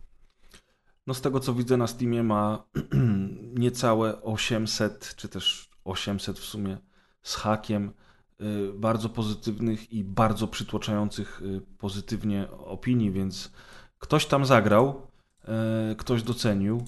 Mam nadzieję, że rzeczywiście będzie szansa na więcej takich gier, bo ona nawet, ona nawet wiesz co, jak ja patrzę na screeny, czy jak ja grałem wtedy w nią przez tą dosłownie chwilę w Game Passie, to, to ona z, samego mm, powodu tego, jak ona wygląda, Design. warto po to sięgnąć. Tak, i ten design, a do tego ty mówisz, ty mówisz właśnie o tych wszystkich rozwiązaniach, o tym, jak to jest dopracowane i przy tym jest chillowe na maksa to jeżeli ktoś lubi takie klimaty, to faktycznie powinien się tytułem zainteresować. A wiesz, a czemu ta gra jakby przeszła bez większego echa? Bo niestety większość gier dzisiaj przechodzi bez echa. I, I to jest ten problem, że tego jest zatrzęsienie. To jest to, o czym myśmy dzisiaj mówili przy okazji Steam Next Festival. Że po prostu no, ciężko jest się wybić dzisiaj, jeżeli nie masz kupy kasy na marketing albo nie jesteś już uznanym i dużym twórcą. Aha, no i jeszcze dodatkowo ta gra jest na wszystko. Starą, nową generację PC i Switcha. No to tym bardziej szkoda, nie? To też jest jej zaletą. No i teraz właśnie sobie wszedłem na Metacritic i ona na Xboxie ma 86 ocenę. Także no była przyjęta entuzjastycznie. No, User tak. score ma równie wysoki, bo też ponad 8, także... No słychać, że jesteś zachwycony po prostu. Tak, no to jest perełka. To, to w ogóle to jest dobra, to jest kolejna gra. Na ostatnim odcinku ciebie nie było, ale omawiałem Narko. Byłem, ale wyszedłem Ale przy wcześniej. Narko nie byłeś właśnie. Tak. Yy, I to był też ten indy, który nadrabiam. E, który nadrobiłem i też nie zdążyłem w zeszłym roku i też jest fantastyczny. To jest kolejny indyk i znowu fantastyczny i w ogóle bardzo y, to jest bardzo dobra praktyka, żeby sobie w styczniu po wszystkich, jak już rok ucichnie, to sobie po prostu wybierasz te takie najfajniejsze gry, które ci się wydają i sobie je, jak jest taki sezon ogórkowy, to sobie je, nadrobić, nadrobić, te, nadrobić te tytuły. Jeszcze ta lista ma trochę pozycji, Mam nadzieję, że między tymi du dużymi tytułami, yy, że ten pociąg z tymi większymi tytułami i, i, z grami z tego roku się tak szybko nie rozpędzi do recenzji i że jeszcze będę wtykał gdzieś gry, te gry z zeszłego roku, które gdzieś, yy, gdzieś nas ominęły. Zresztą patrzę też, ona jest po pierwsze w Game Passie to raz, ale nawet na Steamie, no to ona w tym momencie w promocji kosztuje 70 zł. No to też jak za taki tytuł na tyle godzin, to jest w ogóle według mnie no bardzo dobra cena bo jej, jej wyjściowa cena to jest niecałe 100 e, złotych, co na grę półroczną, na tyle godzin tak fajnej zabawy, to jest, e, to jest, to, to, to jest naprawdę bardzo dobrze wycenionym tytułem. A jeszcze jedna sprawa, bo teraz sobie zryknąłem w notatki. Wydaje mi się, że jak ktoś ma e, dzieci, to to jest w ogóle idealny tytuł bo tutaj mówię, no ze względu na ten poziom trudności, to, że się nie da zginąć, że się z nikim nie walczy, więc nie trzeba mieć refleksu super, to tutaj tak naprawdę wspólna gra z dzieckiem, to jak ja bym miał 10 lat, to bym szczał po gaciach, żeby móc to grać. Tak mi się wydaje. No, tak może być. Ja z kolei, wiesz, nie jestem zupełnie targetem tej gry, dlatego że nie jestem jakimś wielkim fanem e, przygodówek. Tfu, właśnie szkoda, właśnie szkoda, że Kaza z nami nie ma, bo przecież on jest orędownikiem i on tutaj wiedzie prym i ma laur pierwszeństwa, jeśli chodzi o y, decydowanie o to, czy ktoś jest prawdziwym platformerem, czy nie. I jak wiemy, przecież oczywiście platformówek już nie ma, tak? No więc ja ci mogę powiedzieć Kaza, jak chcesz, jak on, jak bym ci, co on by ci powiedział o tej grze, ale myślę, że nie ale muszę, bo chyba może, wiesz, co chodzi. Może poprosimy Maćka, żeby coś po prostu wyciął z któregoś odcinka. No, i wkleił tu. Dokładnie. No nic, to ja się cieszę, ja lubię jak, jak, jak ty się cieszysz, to jest zawsze fajne, jak ktoś z nas znajduje taką grę, która go zafascynuje. Ty jesteś naszym specja specjalistą, doktorem od tego typu indyków, więc no bardzo się cieszę. Ja jakby bardzo lubię to, co widzę na ekranie, bardzo mi się ta gra podoba, ale ja po prostu mi się znudził, nie? Więc mhm. jakby uznałem, że no, nie, nie będę tracił czasu właśnie. A, a powiem ci, że już się boję, bo jak tutaj, no, powiedzmy się przygotowujemy do podcastu, więc patrzymy mniej więcej na te premiery, które wychodzą. E, no i zobaczyłem, e, no to jakby jak się zobaczy ten kalendarz premier i nie mówię o wszystkich indykach, ale powiedzmy o tych największych, no to będzie po prostu znowu jest taki rok, że no nie zagram we wszystko, co chcę.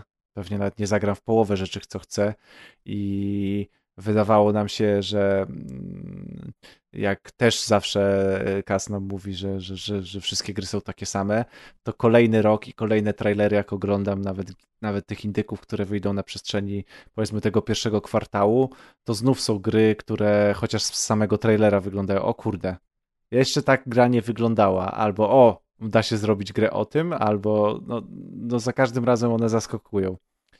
I, i, I mam nadzieję, że na przyszłym odcinku też o czymś sobie e, o czymś sobie opowiemy, ale to do przyszłych, do, przejdziemy sobie do tych indyków w przyszłych odcinkach. Ale kolejny rok i wydaje mi się, że znowu te, te gry indie będą, będą mi dostarczać e, zabawy. Jakoś z roku na rok coraz bardziej, coraz więcej zabawy z nich czerpię niż z tych dużych tytułów.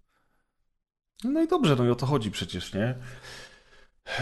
Ale co maile dostaję o gadowłoże, to dostaję, nie? To moje. Dokładnie. Słuchajcie, no to teraz, to teraz ja chwilę wam opowiem dosłownie, bo tutaj też nie ma co się za bardzo rozwodzić, ale mm, też jest to w sumie gra, którą udało mi się po latach ukończyć wreszcie od deski do deski E, I już na premierę jak grałem, graliśmy wtedy jeszcze z Kuldanem i, i ze świętym Łukaszem od kodów. E, I generalnie rzecz biorąc, e, ograliśmy kilka misji, to już nam się wtedy podobało, natomiast gdzieś to tam zaległo. I teraz po latach wróciłem do tematu. Mówię o Strange Brigade, czyli o grze twórców między innymi Nazi Zombie Army czy Aliens vs Predator Rebellion znanym przede wszystkim teraz z serii Sniper Elite. No i Rebellion jakby po stworzeniu Sniper Elite stworzyło taki spin-off kooperacyjny Nacji Zombie, tak? Tych części było łącznie cztery, z czwórką zresztą najlepszą ze wszystkich i dalej ją serdecznie polecam, jeżeli ktoś lubi takie klimaty kooperacyjne. I gdzieś tam przy okazji postanowili zrobić bardzo podobną grę, jednakże w zupełnie innym klimacie. I tak powstało Strange Brigade, czyli takie trochę kino nowej przygody, gdzie różnymi podróżnikami, badaczami w stylu Indiana Jonesa przemierzamy starożytne świątynie, piramidy e, i grobowce, pokonując hordy nieumarłych, bo oczywiście ci nieumarli tutaj też muszą być, ale również rozwiązując zagadki. I to jest największa siła tej gry. Setting, początek XX wieku, ciekawy, śmieszny narrator, mm, przedstawienie tego wszystkiego w formie takiego właśnie klasycznego kina przygodowego i zagadki. I one są najważniejsze, dlatego że tutaj musimy ze sobą współpracować, żeby na przykład znaleźć rozwiązanie zagadki. Ktoś z nas musi iść w jakieś miejsce i zobaczyć, jakie symbole widnieją za rogiem, żeby ta druga osoba mogła to w, w ogóle czasie... można grać single player, czy to jest... Wiesz co, ja nigdy nie próbowałem A, w to grać okay. single player. Zakładając grę oczywiście można zagrać samemu. I pewnie da się wszystko robić samemu. No, ale nie ma sensu. Ale to jest wtedy bieganie, wiesz, a tutaj dużo, dużo, lepsza, y, dużo lepsza przygoda jest, kiedy gramy nawet z drugą osobą. Ja teraz przeszedłem całość w komplecie czterech graczy, dlatego że wiesz, e, jeden szuka rozwiązania zagadki, drugi czeka pod drzwiami, żeby odpowiednie symbole wcisnąć. Jakiś, no, wiesz...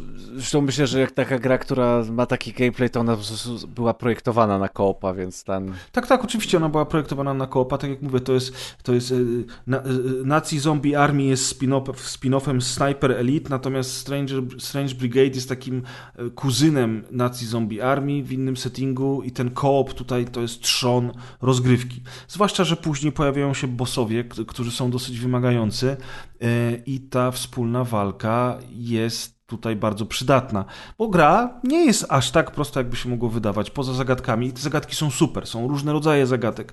Jest bardzo dużo znajdziek, które można tu znajdować, jeżeli ktoś to lubi. Sama satysfakcja z rozwiązywania tych zagadek i odkrycia każdego zakamarku na każdej mapie, to już jest y, wada, tfu, zaleta. To już jest, to już jest zaleta, dlatego że po prostu to jest czysty fan i wspólnie z, ze znajomymi jak się gra, to po prostu sprawia to radość.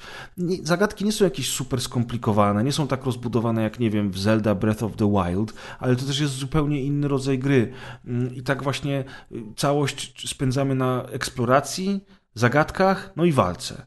Walka nie jest jakoś szczególnie wyjątkowa. Mamy tutaj strasznie dużo kill roomów, w których pojawiać się będzie coraz więcej przeciwników razem z takimi wielkimi bossami, których będziemy musieli pokonać, więc, e, więc jest dosyć wymagająco i to nie jest tak, że tutaj się tylko chodzi, ogląda i wciska guziczki. Walki jest bardzo dużo.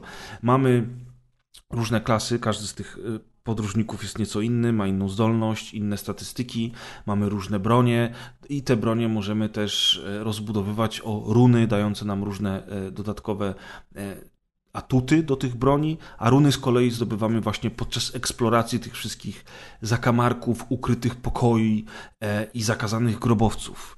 Więc całość stoi na naprawdę wysokim poziomie, sprawia mnóstwo radochy mm, i jest taką grą, jeżeli chodzi o długość w sam raz, bo te wszystkie misje są dosyć długie, więc możemy zrobić jedną, dwie misje dziennie, e, całość rozłożyć na kilka dni. Do tego jest e, też Season Pass, który był ostatnio w promocji, więc kupiliśmy go za grosze. Właśnie, czy to, to, to było rozbudowywane później po premierze? Tak, był jakoś? Season Pass, był Season Pass. Tę grę już mam od premiery, nawet nie pamiętam, czy, czy ja ją dostałem do recenzji, czy myśmy to wszystko kupili, bo przecież i Kuldan miał, i Łukasz, prawdopodobnie Łukasz nam to to w ogóle załatwił, bo to były te czasy, kiedy Łukasz był świętym Łukaszem od kodów e, i dostarczał nam masowo różne gry do recenzji. Natomiast teraz dokupiliśmy z moimi znajomymi właśnie e, ten Season Pass. No i w tym Season Passie masz trzy dodatkowe misje. One są w trochę innych klimatach, są również długie, rozbudowane.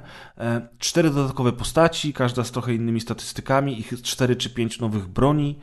E, więc trochę tego tam w, w, tym, w tym Season Passie jest. Oczywiście najważniejsze są te trzy nowe misje. E, tyle, tylko, że problemem jest to, że myśmy to przeszli za jednym zamachem przez te kilka dni mm, i w pewnym momencie ta walka się trochę zaczyna nudzić, bo przeciwnicy są nadal ci sami, w, w, DLC również są ci sami przeciwnicy, pojawiają się ci sami bossowie mm, i o ile y, przejście kampanii nie było y, nudne, wydawało się różnorodne, przede wszystkim dzięki lokacjom, które się zwiedzało e, i było bardzo pasjonujące, o tyle przechodzenie tego DLC już okazało się trochę ta, ta, ta, takim żmudnym zadaniem, bo może lepiej by było, gdyby pojawiła się jakaś zupełnie inna lokacja i na przykład z tych wszystkich około egipskich klimatów przenieś i dżungli przeniesiono by nas, nie wiem, gdzieś w jakieś tam ośnieżone szczyty czy cokolwiek. No ale widać, że po prostu tych map musiało im przy produkcji zostać trochę więcej. Mm, trochę je przerobili, dorobili e, i wypuścili to w ramach Season Passa. Natomiast całość oceniam bardzo dobrze i mimo tego, że mi się wydaje, że ta gra przyszła bez echa, to na, patrząc na, na, na Steam widzę, że, że ona ma tych ocen e, 4000 bardzo pozytywnych, to jest całkiem niezły wynik. Ale, ale rzeczywiście. A natomiast na Metacriticu twoja ulubiona kategoria było 68, czyli to taka gra 7 na 10. 7 na 10. Wiesz co? Czyli na żółto, na żółto. Na żółto, tak. Metacritic górą. E, dalej nie rozumiem tego rozwiązania, że te gry są na żółto, a inne, inne media już nie. W każdym razie. Y, Wiesz co, no bo to jest gra 7 na 10, tak? Yy, natomiast tak, ona ma przepiękną oprawę graficzną. Zresztą Rebellion od dawna te swoje gry robi naprawdę na wysokim poziomie, jeżeli chodzi o oprawę wizualną. Yy, ma nieco inne strzelanie, bo to są jednak początki XX wieku. Te pukawki nie są takie precyzyjne, nie są takie szybko strzelne. Jest mało amunicji. Do tego dochodzi taka, taka no dosyć drętwa, ale jednak walka wręcz. Jakieś super moce, które każdy z naszych e, podróżników może użyć. I naprawdę, lokacja, lokacje, setting i te zagadki to jest trzon, to jest największa siła tej gry, bo nie ma wielu takich gier jak ta, gdzie razem ze znajomymi możemy e, te zagadki rozwiązywać, odkrywać jakieś, jakieś ukryte pomieszczenia, zdobywać skarby, wiesz. Zazwyczaj to będzie właśnie coś bardziej w stylu Nazi Zombie Army czy World War Z, gdzie przemy do przodu walcząc z hordami zombiaków, a tu jest po prostu inaczej. I mimo tego, że gra nie jest w żaden sposób wybitna, to uważam, że jest na tyle ciekawa, że warto się nią zainteresować, zwłaszcza jeżeli dorwiecie gdzieś na promocji, no i będziecie mieli chociaż drugą osobę do wspólnego grania, bo tak jak Deusz na początku zaznaczył, granie w pojedynkę w to raczej nie ma sensu, nie? Tak, no mi się wydaje jakoś tak, nie wiem, szybko z, z radaru zniknęło to Strange Brigade, mi się tak wydaje, że... Bardzo szybko. W ogóle chyba Rebellion to w ogóle nie ma yy, szczęścia do utrzymywania długiego atencji tych swoich tytułów ogólnie, powiedzmy w mediach, czy w takiej bańce growej, czy w przestrzeni, no bo przecież o tym snajperze wspominałeś, no pamiętasz snajpera z zeszłego roku, piątkę Elita? Bardzo Pamiętam. fajna gra to była, przyszedłeś? A skąd? Pamiętasz, jak się w multi ustawiliśmy i nigdy nie zagraliśmy? Oczywiście, że pamiętam. Ja też pamiętam, że przecież zacząłem grać i bardzo mi się podobało i ja nawet nawet w ogóle nie wiem, kiedy zniknęło mi to z dysku, albo w ogóle, wiesz... Bo to było w Game Passie, nie? Tak, tak, tak, to było w Game Passie, bo ja nawet w multi zacząłem grać, ale to nie wiem, może ze dwa wieczory i tak... Nie to, że mi się coś w niej nie podobało, bo mi się i w kampanii podobało, i w multi, a teraz sobie przypomniałem, że kurczę, co się stało z tym snajperem w takim razie? Stary, no wiesz. I, i tak miałem z większością snajperów, bo pamiętam też y, czwórkę, to też chwilę tak grałem, podobało mi się, ale też jakby nie zapadło to w pamięć, nigdy do tego nie wróciłem. Teraz to Strange Brigade to mi w ogóle przypomniałeś jeszcze, że, że, że w to graliście i to kolejna ich gra i też która tak, no nie jest zła, no bo 7 na 10, tak, albo y, po prostu y, y, dobry tytuł, szczególnie do kooperacji czy do multi, a e, no a też szybko znika z radaru, jakoś oni tak nie mają szczęścia czy ja nie, ich ja nie, dłużej żyły. nie wiem, czy oni mają szczęście, czy nie. Musielibyśmy, wiesz, zobaczyć jakieś statystyki, jakieś liczby. No, Sniper Elite 4 ma na Steamie ponad 40 tysięcy bardzo pozytywnych recenzji, tak? Sniper Elite 5 ma już ich mniej, bo pojawił się w Game Passie, więc dużo ludzi Tak, na to pewno jest- grało w Game Passie, wiesz, do tego dochodzą konsole.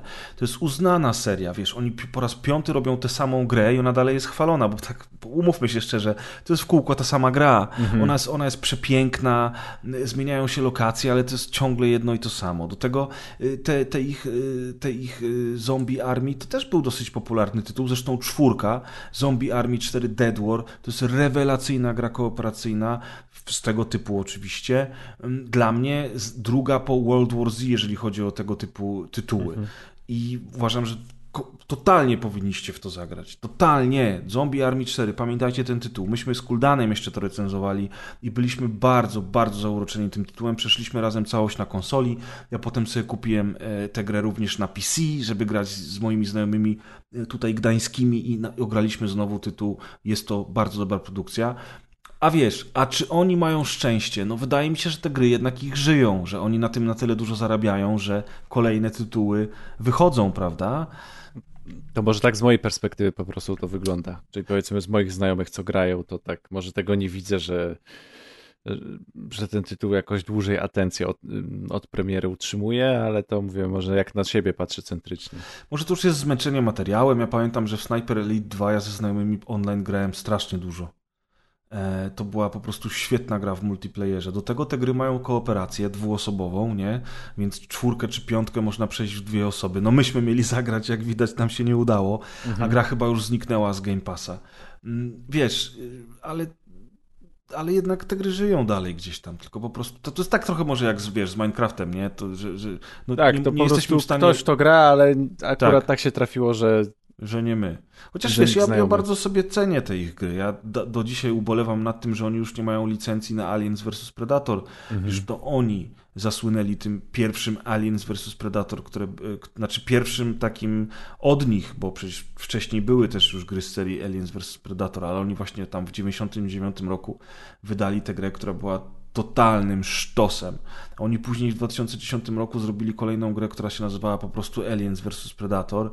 I pamiętam, że jak oni mi wysyłali do recenzji właśnie jakąś grę, czy to było jakiś Nazi Zombie Trilogy, a może to już było Zombie Army 4, cokolwiek to nie było, pamiętam, że jak odsyłałem im recenzję, link do naszego podcastu, to napisałem w mailu, że no teraz bardzo byśmy chcieli e, i bardzo czekamy, żebyście zrobili kolejne Aliens vs Predator.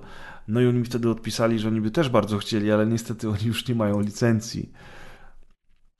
Także, także chyba się nie doczekamy kolejnej odsłony akurat tej serii, ale e, jeżeli będziecie mieli okazję, to Strange Brigade jak najbardziej. Dobra. I, w, I kącik growy. E, Na ostatnim podcaście zapowiedziałem, w sensie powiedziałem, że zacząłem grać Cyberpunka i że możliwe, że kącik Cyberpunka powróci. To ze względu na to, że tych dużo gier nie ma, to postanowiłem jeszcze, jeszcze e, pokontynuować ten wątek Cyberpunka w kilku słowach. E, Gram dalej. Na liczniku e, wybiło już ponad 50 godzin na save'ie. E, Pokończyłem już, e, tak mi się wydaje, że pokończyłem już sporo wątków tych pobocznych, fabularnych dla tych głównych pobocznych postaci, które poznajemy, bo, bo w tej grze wszystkie poboczne postacie mają jakby swoje takie oddzielne, e, oddzielne wątki złożone mm, z kilku misji. I w głównym wątku fabularnym do, doszedłem do momentu, który powiedzmy może, może mnie trochę przestraszył, bo gra mnie poinformowała, czy na pewno chcę rozpocząć tą misję, ponieważ po tej misji już nie będę mógł powrócić do, e, do części nieukończonych zadań. Czyli podejrzewam, że fabularnie jestem gdzieś raczej pod koniec niż, e, niż na początku czy w środku, w tym głównym wątku. E, No ale jak dostałem, chcąc grać dalej główny wątek, jak dostałem taki komunikat, no to teraz jestem zmuszony e, czyścić e, dziennik z, z, tych, z tych wszystkich dodatkowych zadań, więc pewnie jeszcze to granie w Cyberpunka e, mi chwilę zajmie. Jeśli chodzi o follow-up do mojej poprzedniej, poprzedniej, poprzednich tych kilku słów o Cyberpunku, no to cały czas jestem pod ogromnym wrażeniem e, tego, jak to miasto wygląda. Teraz jeszcze więcej zwiedziłem, e, wyjechałem poza to główne miasto, no już praktycznie no, cały teren mam, cały teren mam e, objechany, nawet przypadkiem udało mi się znaleźć jedną zabawną znajdźkę nie, niewiarygodne to w ogóle robi wrażenie, jak, jak, jak jest zbudowane to miasto, jak jest wertykalne, jak każda najmniejsza w ogóle klatka schodowa, jakieś schody z jakiejś estakady prowadzą na jakieś podwórko, z tego podwórka można przejść na inne podwórko, a później jeszcze jak się podskoczy i obejdzie jeden blok, to nagle wychodzimy e, na jakimś skrzyżowaniu w zupełnie innej dzielnicy, jak to jest dobrze połączone, e, jak jest spójne, jak nie ma takich miejscówek, które są po prostu Y, pustymi korytarzami, zapchaj dziurami, gdzie tu się po prostu wszędzie pełno dzieje. No to miasto jest to miasto jest niesamowicie zaprojektowane, a oprócz tego wygląda też fenomenalnie ze względu na to, no, że to jest, y, że to jest, że to jest w tym settingu cyberpunkowe, więc mimo 50 godzin to cały czas robi, robi, robi na mnie wrażenie. No i graficznie, jakby technologicznie to jest też gra na bardzo tak. wysokim poziomie. Ja przechodziłem cyberpunka w pełni w zeszłym roku na komputerze mojego brata. E, i tam już byłem w stanie bardzo mocno tą grafikę odpicować, dorzucić do tego ray tracing, chyba z jakimś DLSS-em nawet, nie pamiętam, natomiast jak ty zacząłeś znowu grać w Dead Space'a, tfu, Boże, przepraszam, ten Dead Space po prostu ciągle na tapecie u mnie, w Cyberpunka, to ja stwierdziłem, że skoro mamy teraz dostęp do tego GeForce'a, to ja sprawdzę sobie, jak to wygląda na streamie ze wszystkim, ze wszystkim na maksa i rzeczywiście, no, jest jest to niesamowite, jak to Czy jak się jedzie przez tą dzielnicę, powiedzmy Japan, tam gdzie są te wszystkie neony i wieżowce i pada deszcz i jest noc i jest włączony ray tracing i jedno miasto mamy nad nami, a drugie miasto się odbija w ulicach. I jeszcze widzimy jak deszcz w kałużach robi takie te małe kraterki, jak to deszcz pada, tak więc jest. ten obraz jest taki rozmyty i muzyczka gra w radio, no to jest po prostu nie, niesamowite. To, jest, to, to, to, to robi niewiarygodne wrażenie. Plus przy e, takim mocnym rigu, czy to twoim y, fizycznym, czy przez streaming, można też przecież wrzucić większą ilość y, pojazdów. Przechodniów. Tak, przechodniów, ale też różnorodność tych przechodniów zwiększyć, tak. nie?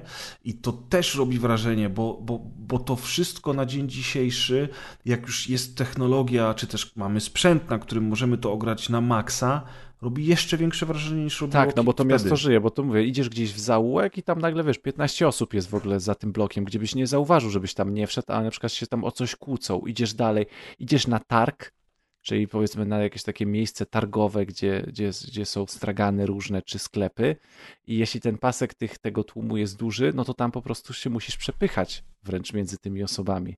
Tam się dzieje, tutaj te osoby się kłócą, te stoją, te coś robią, te osoby też nie są takimi, wiesz, zwykłymi NPC-tami, które mają wytyczone trasy po liniach, tylko bardzo wiele tam osób coś robi, część ty, siedzi. Ty, strasznie, je... przepraszam ci przerwę, ale ty strasznie dużo dzisiaj słowotwórstwa uprawiasz. Yy, winię siebie, bo zacząłem od słowotwórstwa w sumie ten odcinek, ale, ale poza przy, przyszypszonym mamy już dzisiaj Japatam, bo chciałeś powiedzieć Japan, Japan. Town, powiedziałeś Japan Town, ja usłyszałem Japatam, więc to w sumie fajna taka dzielnica Japatam.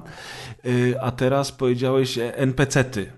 Czyli takie, to, czyli takie non-playable pecety, tak? Ale nie NPC, a no tak, NPC, NPC właśnie, bo Także mówiliśmy no, o tych pecetach. Dużo się językowo dzisiaj dzieje u ciebie, Deusz. Także... Ja, ja, oczywiście się nie czepiam, tylko to po prostu jest Wiesz, sympatyczne bardzo. I, I, one coś robią, ze sobą gadają, więc tam też się dzieje, yy, więc tam też się dzieje powiedzmy w tle w, tym mieście. Yy, o tyle dobrze, że poszedłem w, w sensie mam tą netranerkę, e, czyli, czyli poszedłem w te, te umiejętności hakowania, co sprawia, że praktycznie nie muszę dotykać broni. E, nie muszę dotykać żadnej broni. E, no i dzięki temu już mnie tak nie kuje sterowanie, sterowanie padem, o co zresztą będzie jeszcze w sekcji pozdrowień, ale o co zresztą też słuchacze mnie pytali, jakie mam ustawienia tego pada, które sobie, tu, które sobie wyregulowywałem. E, zgodnie z opiniami w internecie i poradnikami. Na szczęście szybko mogłem porzucić używanie broni i bardzo dobrze bawię się e, głównie używając tych umiejętności, umiejętności hakerskich. E, jeśli chodzi o bugi, no to niestety im dalej w las, tym więcej drzew i jest ich coraz więcej. E, powiedzmy to, to, jak upadają przeciwnicy, czy jakieś resetowanie się przedmiotów, e, czy przenikanie się przedmiotów. E, to powiedzmy, no tego trochę jest, ale nie jest to tak irytujące. Bardziej irytujące jest fakt, że no powiedzmy na te 50 godzin gry to już spokojnie musiałem grę z 10-15 razy jeszcze raz włączać, bo się bo się jakiś quest w danym miejscu po prostu zawiesił, bo się coś nie chciało odpalić, jakiś przedmiot, nie mogłem podnieść jakiegoś przedmiotu, który był istotny dla popchnięcia danego questu. Na szczęście wszystko się działo, y, w ogóle zauważyłem, że wszystko, wszystkie te błędy mi się działy w questach pobocznych. Także jeśli robiłbym tylko wątek główny, to raczej wątpię, żebym w ogóle natrafił na coś takiego. Natomiast w questach pobocznych, mówię, już na pewno ponad 10 razy tak miałem, że musiałem albo resetować grę, albo nawet cofać się do poprzednich save'ów. Na szczęście gra save'uje często i, i mamy automatycznie kilka save'ów do tyłu, więc bez problemu się możemy parę minut cofnąć. No ale takie sytuacje, takie sytuacje były. E, czasami nie wczytały mi się dialogi tekstowe, czyli mm, miałem tylko powiedzmy napisy i, i, usta się ruszają i muzyka w tle grała, ale e, dubbing aktorów się nie wczytał.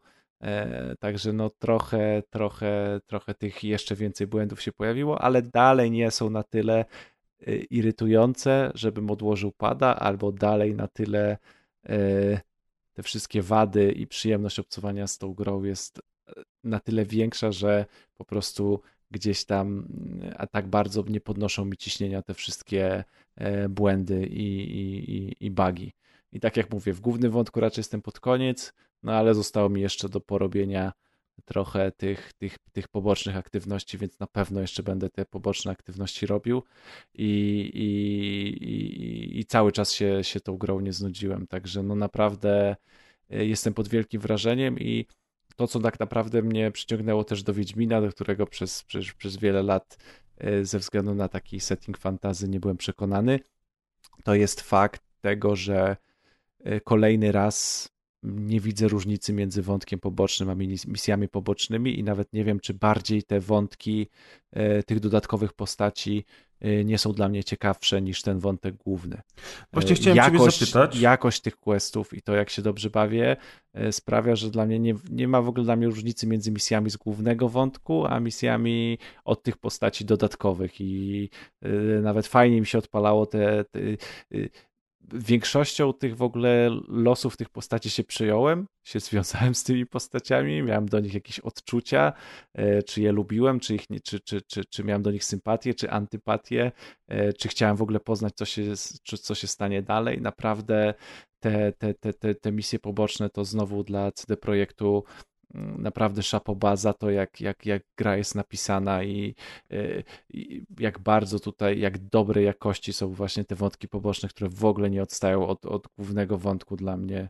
I, i, i o ile nawet nie są w wielu przypadkach lepsze i ciekawe i pomysłowość w ogóle misji e, tych, tych pobocznych, które nie są właśnie podaj, przynieść pozamiataj, tylko nie wiem, od jakichś misji, w których to nie jest spoiler, bo nie powiem o co chodzi, ale od misji, w których nurkujemy, po misje, w których bawimy się w policjantów i złodziei z dziećmi, to naprawdę no, czapki z głów, jeśli chodzi o, o, o, o projektowanie tych questów. Bo widzisz, właśnie ja chciałem się ciebie spytać, już tak naprawdę mi na to odpowiedziałeś. E, ja poza ukończeniem wątku głównego ukończyłem cały poboczny wątek Panam, cały poboczny wątek Judy, zrobiłem e, cały poboczny quest z taksówkami Delaware, o ile dobrze mhm. pamiętam. Tak. I teraz Całą resztę ominąłem. Ominąłem w ogóle wszystkie polecenia od pani policjantki, czy też prawie wszystkie, wiesz.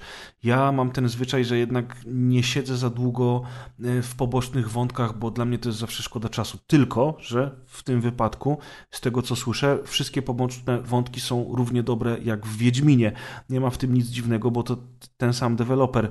Mm, I takie rzeczy lubię, więc mówisz, że warto jednak do gry wrócić i e, zrobić wszystko, co warto, się da. To są takie, wiesz, mini scenariusze, czy taki mini, jakby to porównać do serialu, no to mamy taki miniserię, tak? Mamy te kilka misji. Jasne. Które tam się odpowiednio długo gra i to tak naprawdę jest oddzielny wątek, oddzielna miniseria z, z daną postacią, więc... Bo wiesz, bo na przykład pamiętam, że tam jest jakiś taki quest poboczny z tymi cyberpsycholami I tak, że to w sumie on, polega, on tak. polega na tym, że w sumie trzeba tych gości po prostu eliminować.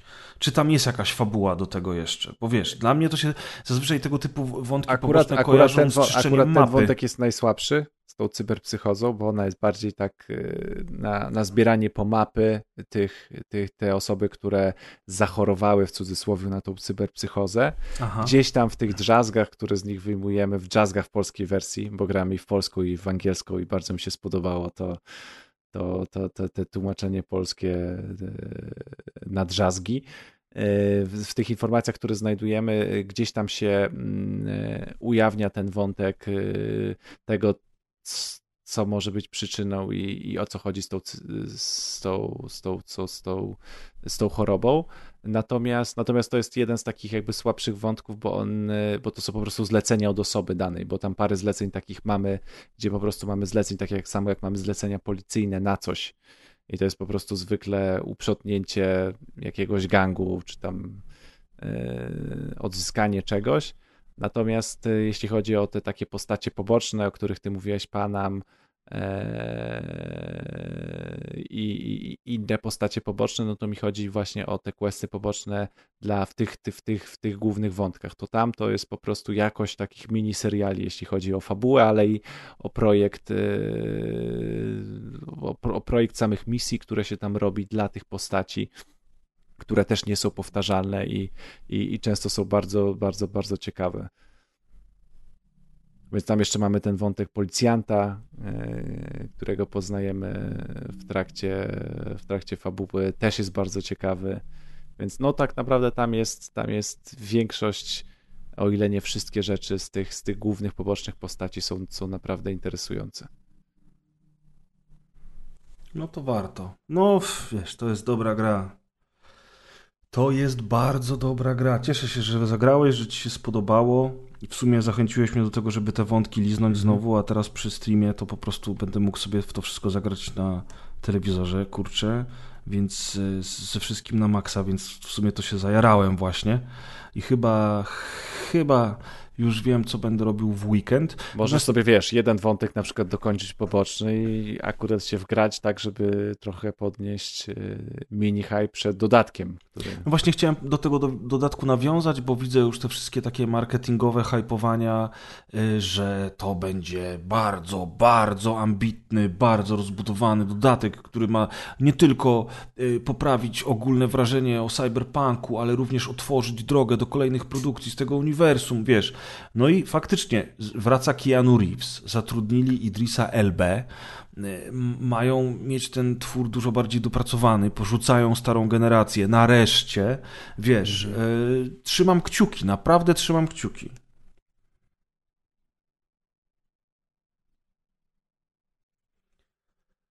No, y, czyli co?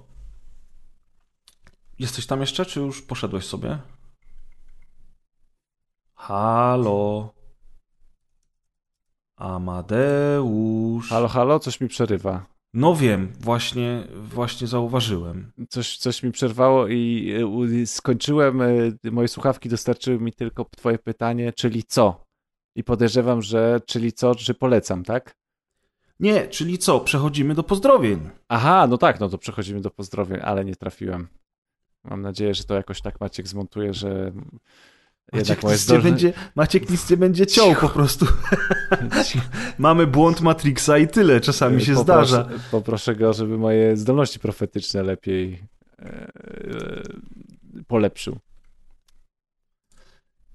Pozdrowienia. E, tak, pozdrowienia. Przypominamy, że, pozdrowie, że pozdrowienia zostawiamy pod najnowszym odcinkiem, e, pod publikacją, na, w komentarzach w, na, na, na dyskusie czyli na naszej stronie rozgrywka.online, ale bezpośrednio do linka danego odcinka można również wejść po prostu, jak tego słuchacie w jakiejś apce podcastowej, to w opisie odcinka jest takie zdanie, odcinek komentujemy tutaj i jak się kliknie na tutaj, to Was też również przeniesie na, e, na naszą stronę i i, i, i można dać albo pozdrowienia, które są rzeczywistymi pozdrowieniami, albo jakiś komentarz do odcinka, który też mamy przeczytać, albo jakieś pytanie do nas bez różnicy.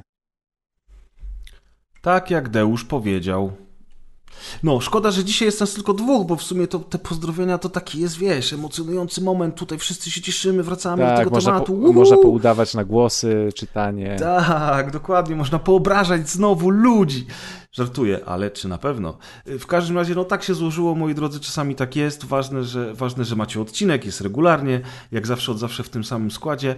A my już przechodzimy do pozdrowień, które zostały przez Was napisane pod poprzednim odcinkiem. Tutaj od razu zaznaczam, pozdrowienia piszemy tylko i wyłącznie na stronie. Mhm. Nie piszemy tego na socjalach, nie wysyłamy wiadomości ani maili, piszemy na stronie, tam gdzie prowadzimy również komentarze i szczerze mówiąc ja się bardzo cieszę, że tyle osób się odezwało, tych komentarzy jest więcej, natomiast wiem, że stać Was na więcej i tak jak już powiedział, najciekawsze Wasze wypowiedzi będziemy na odcinkach cytować, w związku z czym nie bójcie bo- się komentować tego, o czym my mówimy. My, my też wiemy, że pozdrowienia swoją definicją pozdrowień zobowiązują do pozdrawiania, ale to jest tylko forma, w sensie to jest tylko hashtag pozdrowienia, natomiast pisać można wszystko o wszystkim. Tak jest i Zresztą zresztą z zadawaniem pytań. Bez hashtagów komentarze w dyskusji też czytamy i też będziemy o nich wspominać. Dlatego nie bójcie się komentować tego, o czym rozmawiamy. Wchodźcie z nami w interakcję, komentujcie to, co się dzieje w odcinku, chociażby nasze słowotwórstwo i dyskusje na temat ponownego przechodzenia gier, czy też omówienie Tiny Kin y, przez Deusza. Pamiętajcie o tym, nam na tym zależy, to jest fajne, my się cieszymy, kiedy wy piszecie. Bardzo dużo osób, które po raz pierwszy zdecydowało się napisać komentarz, maila, czy też wiadomość, mm, często mówi o tym, że słucha, słucha, ale nigdy się nie odzywa, bo ma taką naturę, bo się wstydzi, bo coś tam. Nie wstydźcie się, nagradzajcie nas tym, że żeby dawać nam znać, że tego słuchacie, że, żeby dawać nam znać, że jesteście zainteresowani tą tematyką i chcecie z nami o tym porozmawiać.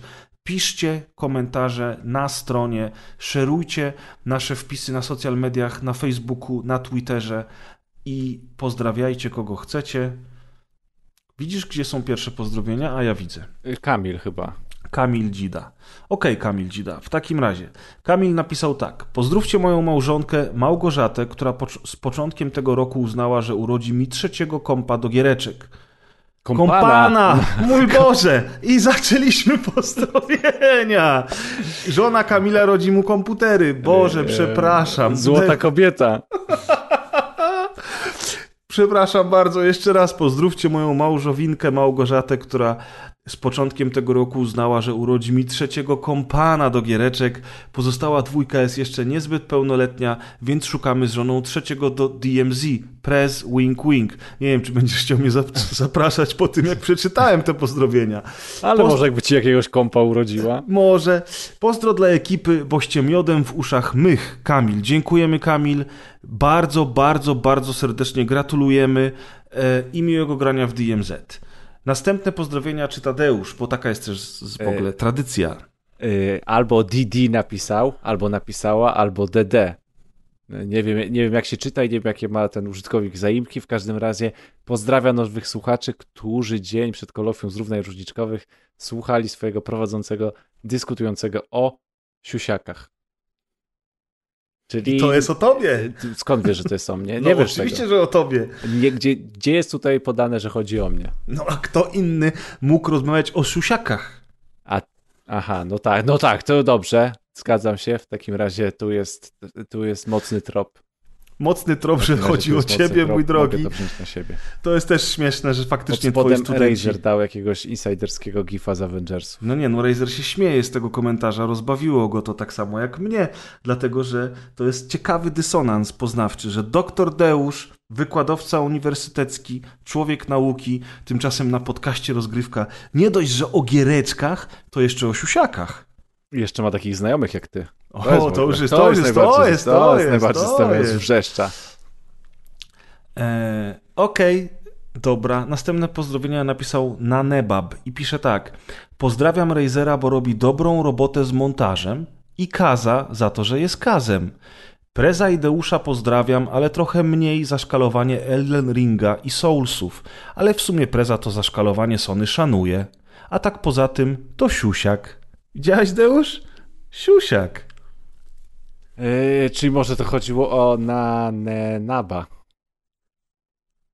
A ja chyba Nanenaba kojarzę z poprzednich pozdrowień, czy nie? Czy mi się wydaje? Oj. A może w poprzednich pozdrowieniach dużo osób miało... Poprzednie e... pozdrowienia były lata temu. Y, wiem i wtedy wszyscy mieli te smutne żaby w e, tak awatarach. Na pewno smutną myli. żabę miał, e, miał Kuba. Y, z, kol z kolei Triad pozdrawia Kaziksa, pisanego przez X. 100 lat dziadzie. W tym wieku wizyty u fizjoterapeuty są nieuniknione. Stawiam pierwszą. To dopisek redakcji, że mam nadzieję, że wizytę.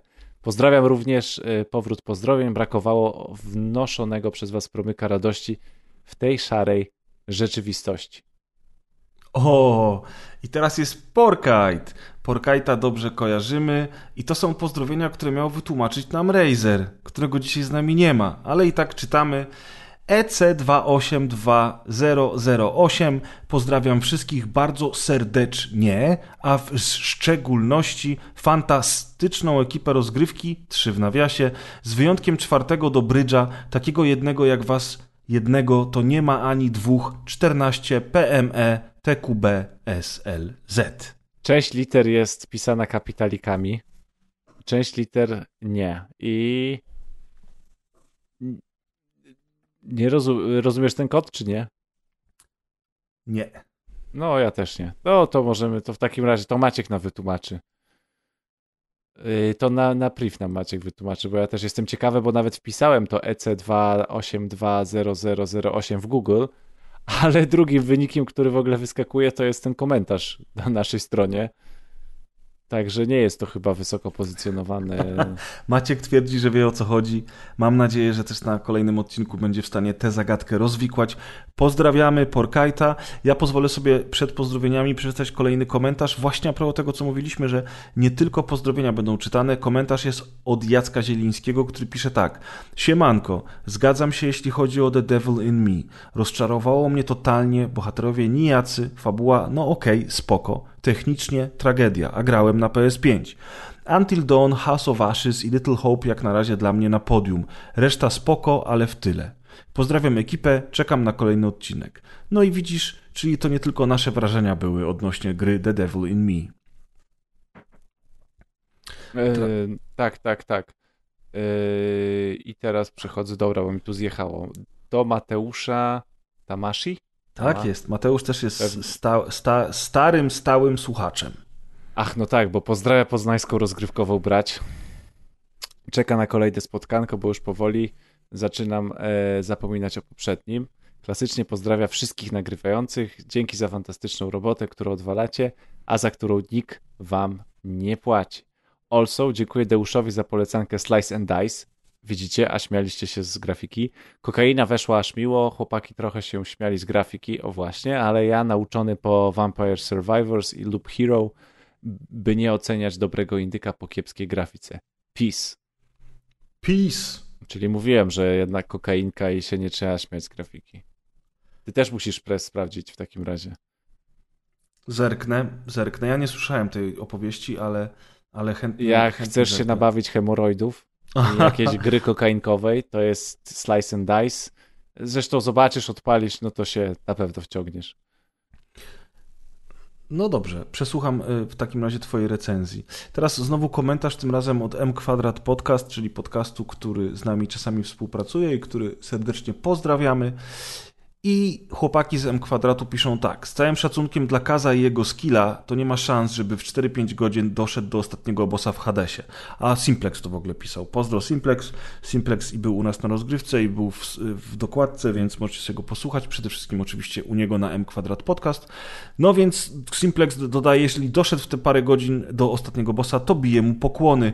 No i Kaz skomentował, że mówi o ostatnim bossie i że to mogło nie być 4 a 5 godzin, tylko na przykład 6 a 7, bo on już tak szczegółowo nie pamięta, natomiast dyskusja trwa dalej. Okazuje się, że do Hadesa dochodzi się w około 15-20 godzin e, i rzeczywiście ludzie komentują, że raczej 5-6 mm, godzin dojścia do ostatniego bossa w Hadesie to jest niesamowite osiągnięcie, wręcz niemożliwe.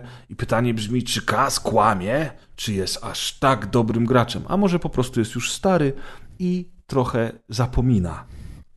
E, ile grał. Albo z drugiej strony nie wie, co to, kto to Hades. Albo dokładnie może. Bo to też może być, że spotkał, wiesz, jakiegoś tam Poseidona, czy tam nie grałem w Hadesa, więc nie nikogo się spotyka, ale, ale nie Hadesa. Tu jest jeszcze jeden w sumie simplexowy komentarz, który jest do ciebie, Deusz, więc możesz go przeczytać, jeżeli chcesz. Tak, Simplex pisze, pisze Deusz sprzedał mi Norko i prawie sprzedał e, Cyberpunka, ale po traumie, jaką było ogromne granie na premierze, powziąłem postanowienie, że zagram w pełną wersję spaczowaną, czyli patch 1.7.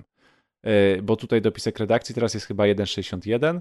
E, DLC, z którym pewnie wyjdą kolejne patche i jak już CD Projekt na poważnie zajmie się tworzeniem kolejnych gier i przestanie wspierać i patchować Cyberpunka, to wtedy zagram. No, podziwiam cierpliwość. Yy, tak, ale ja zapewniam, że zalet jest tyle, że naprawdę to jest tak ogromna gra, że wydaje mi się, że mm, że do pewnego poziomu jej się już nie da spaczować. To znaczy, tak jak masz te zasady Pareto, czyli po prostu już podejrzewam, że się nie opłaca e, tak dużo wysiłku wsadzać, żeby poprawiać te, nie wiem, ostatnie 10 czy 20% że, że, że, że, że, że Cyberpunk w pewnym momencie jakby dojdzie do takiej pozycji, że dużo więcej będzie kosztowało jakby naprawienie tych rzeczy, które w nim występują, niż, niż to realnie warto, niż to realnie jakby wniesie dużo do poprawienia rozgrywki. Mhm. Bo jednak tak wielkie gry, no, no nie ma tak dużych gier, które są bezbłędne. A tak jak mówię, te błędy, które są, nie są już mi kompletnie nie, nie, nie, nie psują ja mam, e, rozgrywki. Ja mam tylko jeden komentarz Simplex. Zdecyduj się, czy piszesz ze swojego konta Simplex, czy z konta M Kwadrat Podcast, bo Simplex to śmiesznie pisze raz z tego konta, raz z tego konta. Jak bo pisze wiesz co on robi? On robi SEO, żeby się pozycjonować w Google'ach wyżej. A, cwaniaku. I wtedy jak pisze z M Kwadratu, to robi slash podpis bo te, Simplex. Bo te, wtedy ma po prostu, że na stronie rozgrywki ma M Kwadrat Podcast, rozumiesz? O, to ty na, na naszych więc... plecach, cwaniaczku, On tak? na naszych plecach robi SEO. Okej, okay, dobra, banuj. Oba konta. Oba konta. Albo zmieni nazwę z poziomu administratora. Otóż to. Następnie... M6. Następnie, słuchajcie, jest komentarz, nie pozdrowienia, ale komentarz Wojciecha Guntera, który pisze: Chłopaki, robicie super robotę. Bardzo cieszę się z częstszej obecności Kaza. Uważam, że wnosi do podcastu zdecydowanie najciekawsze tematy. Więcej Kaza poproszę. Wojciech prosi, tymczasem Kaza nie ma. Możliwe, że znowu głaszcze konie. My, myślisz, że Wojciech y, Ginter jest prawdziwym Wojciechem Ginterem? Myślisz, że to jest Kaz? IP Kaza. To jest Kaz. Bez kitu, ty. Nie, nie wydaje mi się, że ktoś może to. popełnić taki komentarz w rzeczywistości. Ojej, faktycznie. Kaz albo jeden z jego botów. Tak. Teraz z mniej, z mniej zabawnych komentarzy Rosin pisze, czy jest szansa na odcinek specjalny The Best of Kuldan. E, ja mu odpisałem już y, tutaj w komentarzach, ale też skomentuję do słuchaczy. Był zawsze taki pomysł i, i, i chcielibyśmy to kiedyś zrobić, ale to jest ogromna ilość pracy żeby przesłuchać i wybrać kawałki, to jest raz. Dwa, że to jest też bardzo duże wyzwanie dla naszego kochanego montażysty, który może nie mieć czasu po prostu. E, I wie, wiecie, to jest coś, co kiedyś pewnie powstanie, bo zawsze chcieliśmy, prawda, Amadeusz? Tak, to prawda. Tylko po jest prostu... w planach, ale to na za kiedyś. Na za kiedyś, tak, tak. Także jest w planach, ale niczego nie obiecujemy. Dziękujemy natomiast tak. za, za, za, pytanie. Tak, i jeszcze, e, jeszcze zresztą Rosin też dziękuję, że wspomnieliśmy o Franco 2 i o tym demie, bo nie wiem, czy wiesz, ale czy słuchałeś, ale demko Franco 2 jest dostępne. Ja jeszcze wtedy byłem, bo to było w sekcji newsów. Aha, no tak, no tak, właśnie. Tylko nie ma z nami dzisiaj Maćka. Ja myślałem, że on sprawdzi to demko i będziemy mieli w ogóle rozbudowany kącik Franco 2, ale to go przyciśniemy na następnym odcinku w takim razie. Pewnie, musimy, pewnie. musimy mu przypomnieć, że musi ograć Franco 2, no bo to będzie takie domknięcie wątku yy, Franco 2, że no, wypada nam to zrobić z czystej przyzwoitości. Co się jemu. Otóż to, no kurczę. To jest jego obowiązek wręcz. Yy, Tomasz Wężyk się ciebie pytał, czy odszedłeś z Twittera na stałe. No ale to już wyjaśniłem na starcie dzisiejszego odcinka, więc jakby nie będziemy się powtarzać. Yy, Coś jeszcze przez Coś jeszcze masz tutaj z komentarzy, co byś chciał przeczytać? Czy, czy nie, to... chyba nie. Chyba są pozdro... Następne już są chyba pozdrowienia. Czy Wirc jeszcze pisze, że Preza tak kredyt dojebał, że już nie jest PC Master Race. Co za chujowe życie w Polsce. Już nawet konsolowcami nie można gardzić, tylko obrać jedną ze stron. Pozdrowionka chłopaki. No, to jest temat rzeka, nie? Rzeczywiście kupno komputera w tej chwili e, to jest dosyć kosztowna rzecz. Ty, Amadeusz, zdążyłeś w ostatniej chwili, prawda? Tak naprawdę. Yy, tak, zresztą ja przypomnę, że dwa lata, czekaj, czekaj, ja kupowałem dwa lata temu? Chyba tak. W sumie już teraz to trzy, no już leci ponad, trzeci rok leci, tak? I ja pamiętam, że jak yy, podzespoły kupowałem tam chyba w październiku, to przecież wszyscy, wrzesień, październik to był, to ja przypomnę, że wszyscy eksperci internetowi mówili, że jak w październiku, we wrześniu kupować, jak przecież w styczniu, w lutym stanieje wszystko. Mm-hmm. No i y, minęło dwa, ponad dwa lata, y, leci trzeci rok i moje podzespoły jeszcze nie kosztują tyle, ile kosztowały wtedy. Czyli kosztują więcej. Yy, tak, więc aczkolwiek już jest teraz, już się tak troszkę normuje sytuacja, ale, ale dalej to jest dwa lata, gdzie ten styczeń i luty z y, potanieniem nie nadszedł. No niestety. Yy, Okej, okay. pozdrowienia? Yy, tak. T-A-Q yy, Pozdrawia ekipę, bo co tu dużo mówić, zajebiście, że nagrywacie, ryj się cieszy i tyle. Pozdrawiam niepozdrawianych, bo dawno nikt ich nie pozdrawiał. No bo Pamiętasz, że wszyscy pozdrawiają niepozdrawianych na poprzednich pozdrowieniach. Super, że przywróciliście pozdrowienia. Trochę bardziej czuć obecność wielkiego nieobecnego. Dzięki za to. Może sckliwe, ale prawdziwe. Teraz biorę się za odsłuch dokładki, bo Dead Space remake będzie zaraz grany. Bardzo dobrze. Dokładkę należy słuchać. Kolejne pozdrowienia są dla Razera. Pozdrawiam Razera, który jak kiedyś w jednym odcinku puścił Prodigy Invisible Sun, to słucham tego kawałka w zapętleniu do dzisiaj. Dzięki, kurwa. Tak, taki właśnie ten Razer nasz. Nie można na nim polegać. Nie można. E, duży czarny pies pisze, że pozdrawia testowo po długiej przerwie i prosi, żebyśmy tego nie czytali. Okej, okay, nie będziemy. Z prośbą nie będziemy czytać nie ma sprawy. I ostatnie, ostatnie w tym odcinku pozdrowienia pisze Kołek368 i Kołek pisze tak. Pozdrawiam Marcin Mena 11. Może w końcu wrócą jego epickie pozdrowienia przeplatane Skyrimem. PS Awokado. O, tutaj widzę e, stary słuchacz Kolek. Tak, tak. Marcin Men 11 i jego pozdrowienia. To było. Nie, żebym osobiście miał coś do Marcina Mena 11, Nie, nie, nikt nie ma, nie, nie. mam nadzieję, że mu klawiatura nie działa. Marcin, jak nas słuchasz, niech twoje męstwo, po prostu nas słuchaj. My się lubimy. Tak, lubimy, tak, tak. My lubimy, że nas słuchasz, ty lubisz nas słuchać, więc zostajmy po prostu na tej relacji. Po co w to angażować język polski, gramatykę, składnie, interpunkcję? Po co? O, wszystko wraca, wszystko wraca, moi drodzy. Te wspomnienia, te emocje, ta radosna energia. Mam nadzieję, że dzisiaj też dostarczyliśmy Wam radosnej energii. Przepraszamy, że tych gier było niewiele, ale za to jakie! Jak Deusz dobrze bawił się z Tinikinem, jak on dobrze omawia Cyberpunka, kochani. No to jest coś. Tak, bo ja mam dwie gry z NDA, chciałem przypomnieć, także których dzisiaj po prostu nie możesz omówić. Nawet nie mogę omówić, bo inaczej to oprócz kredytu to jeszcze mnie firmy wydawnicze mm, dojadą. Os, oskubią, oskubią, dojadą, oskubią. Tak. Nie no, dobrze trzeba mówić, oskubią po prostu. Jakbym no, powiedział, dlatego nie powiem. A ponieważ jesteś profesjonalistą, to o tych grach opowiesz, kiedy NDA już się skończy. Także y, to co, Amcio, kończymy i idziemy grać w Battlefielda. Yy, kończymy. Idziemy grać, zobaczymy, czy idziemy grać w Battlefielda. W A, musisz razie żony spytać, rozumiem. Słyszymy się za dwa tygodnie. Nie, jeszcze jedną rzecz piszę. Także ja jeszcze wracam do pracy chyba Zrobiłeś dzisiaj. już doktorat, miałeś trochę odpocząć, a ty znowu w ten wir pracy. Odpocząłeś, miesiąc odpocząłeś. Krócej, no co ty miesiąc, ale... no właśnie. Bez przesady. Tu się świat wali. Trzeba Trzeba walić się razem. Trzeba się walić razem ze światem. Okej, okay, dobrze. Dziękuję Ci za ten y, przyszybszony odcinek w takim razie, za to, ja że znalazłeś czas. Fajnie było jak zawsze. Pozdrawiamy Was serdecznie, drodzy słuchacze. Y, czy też jak mawiał pewien papa, i pozdrawiamy Was ciule. I do następnego. Do następnego, na razie.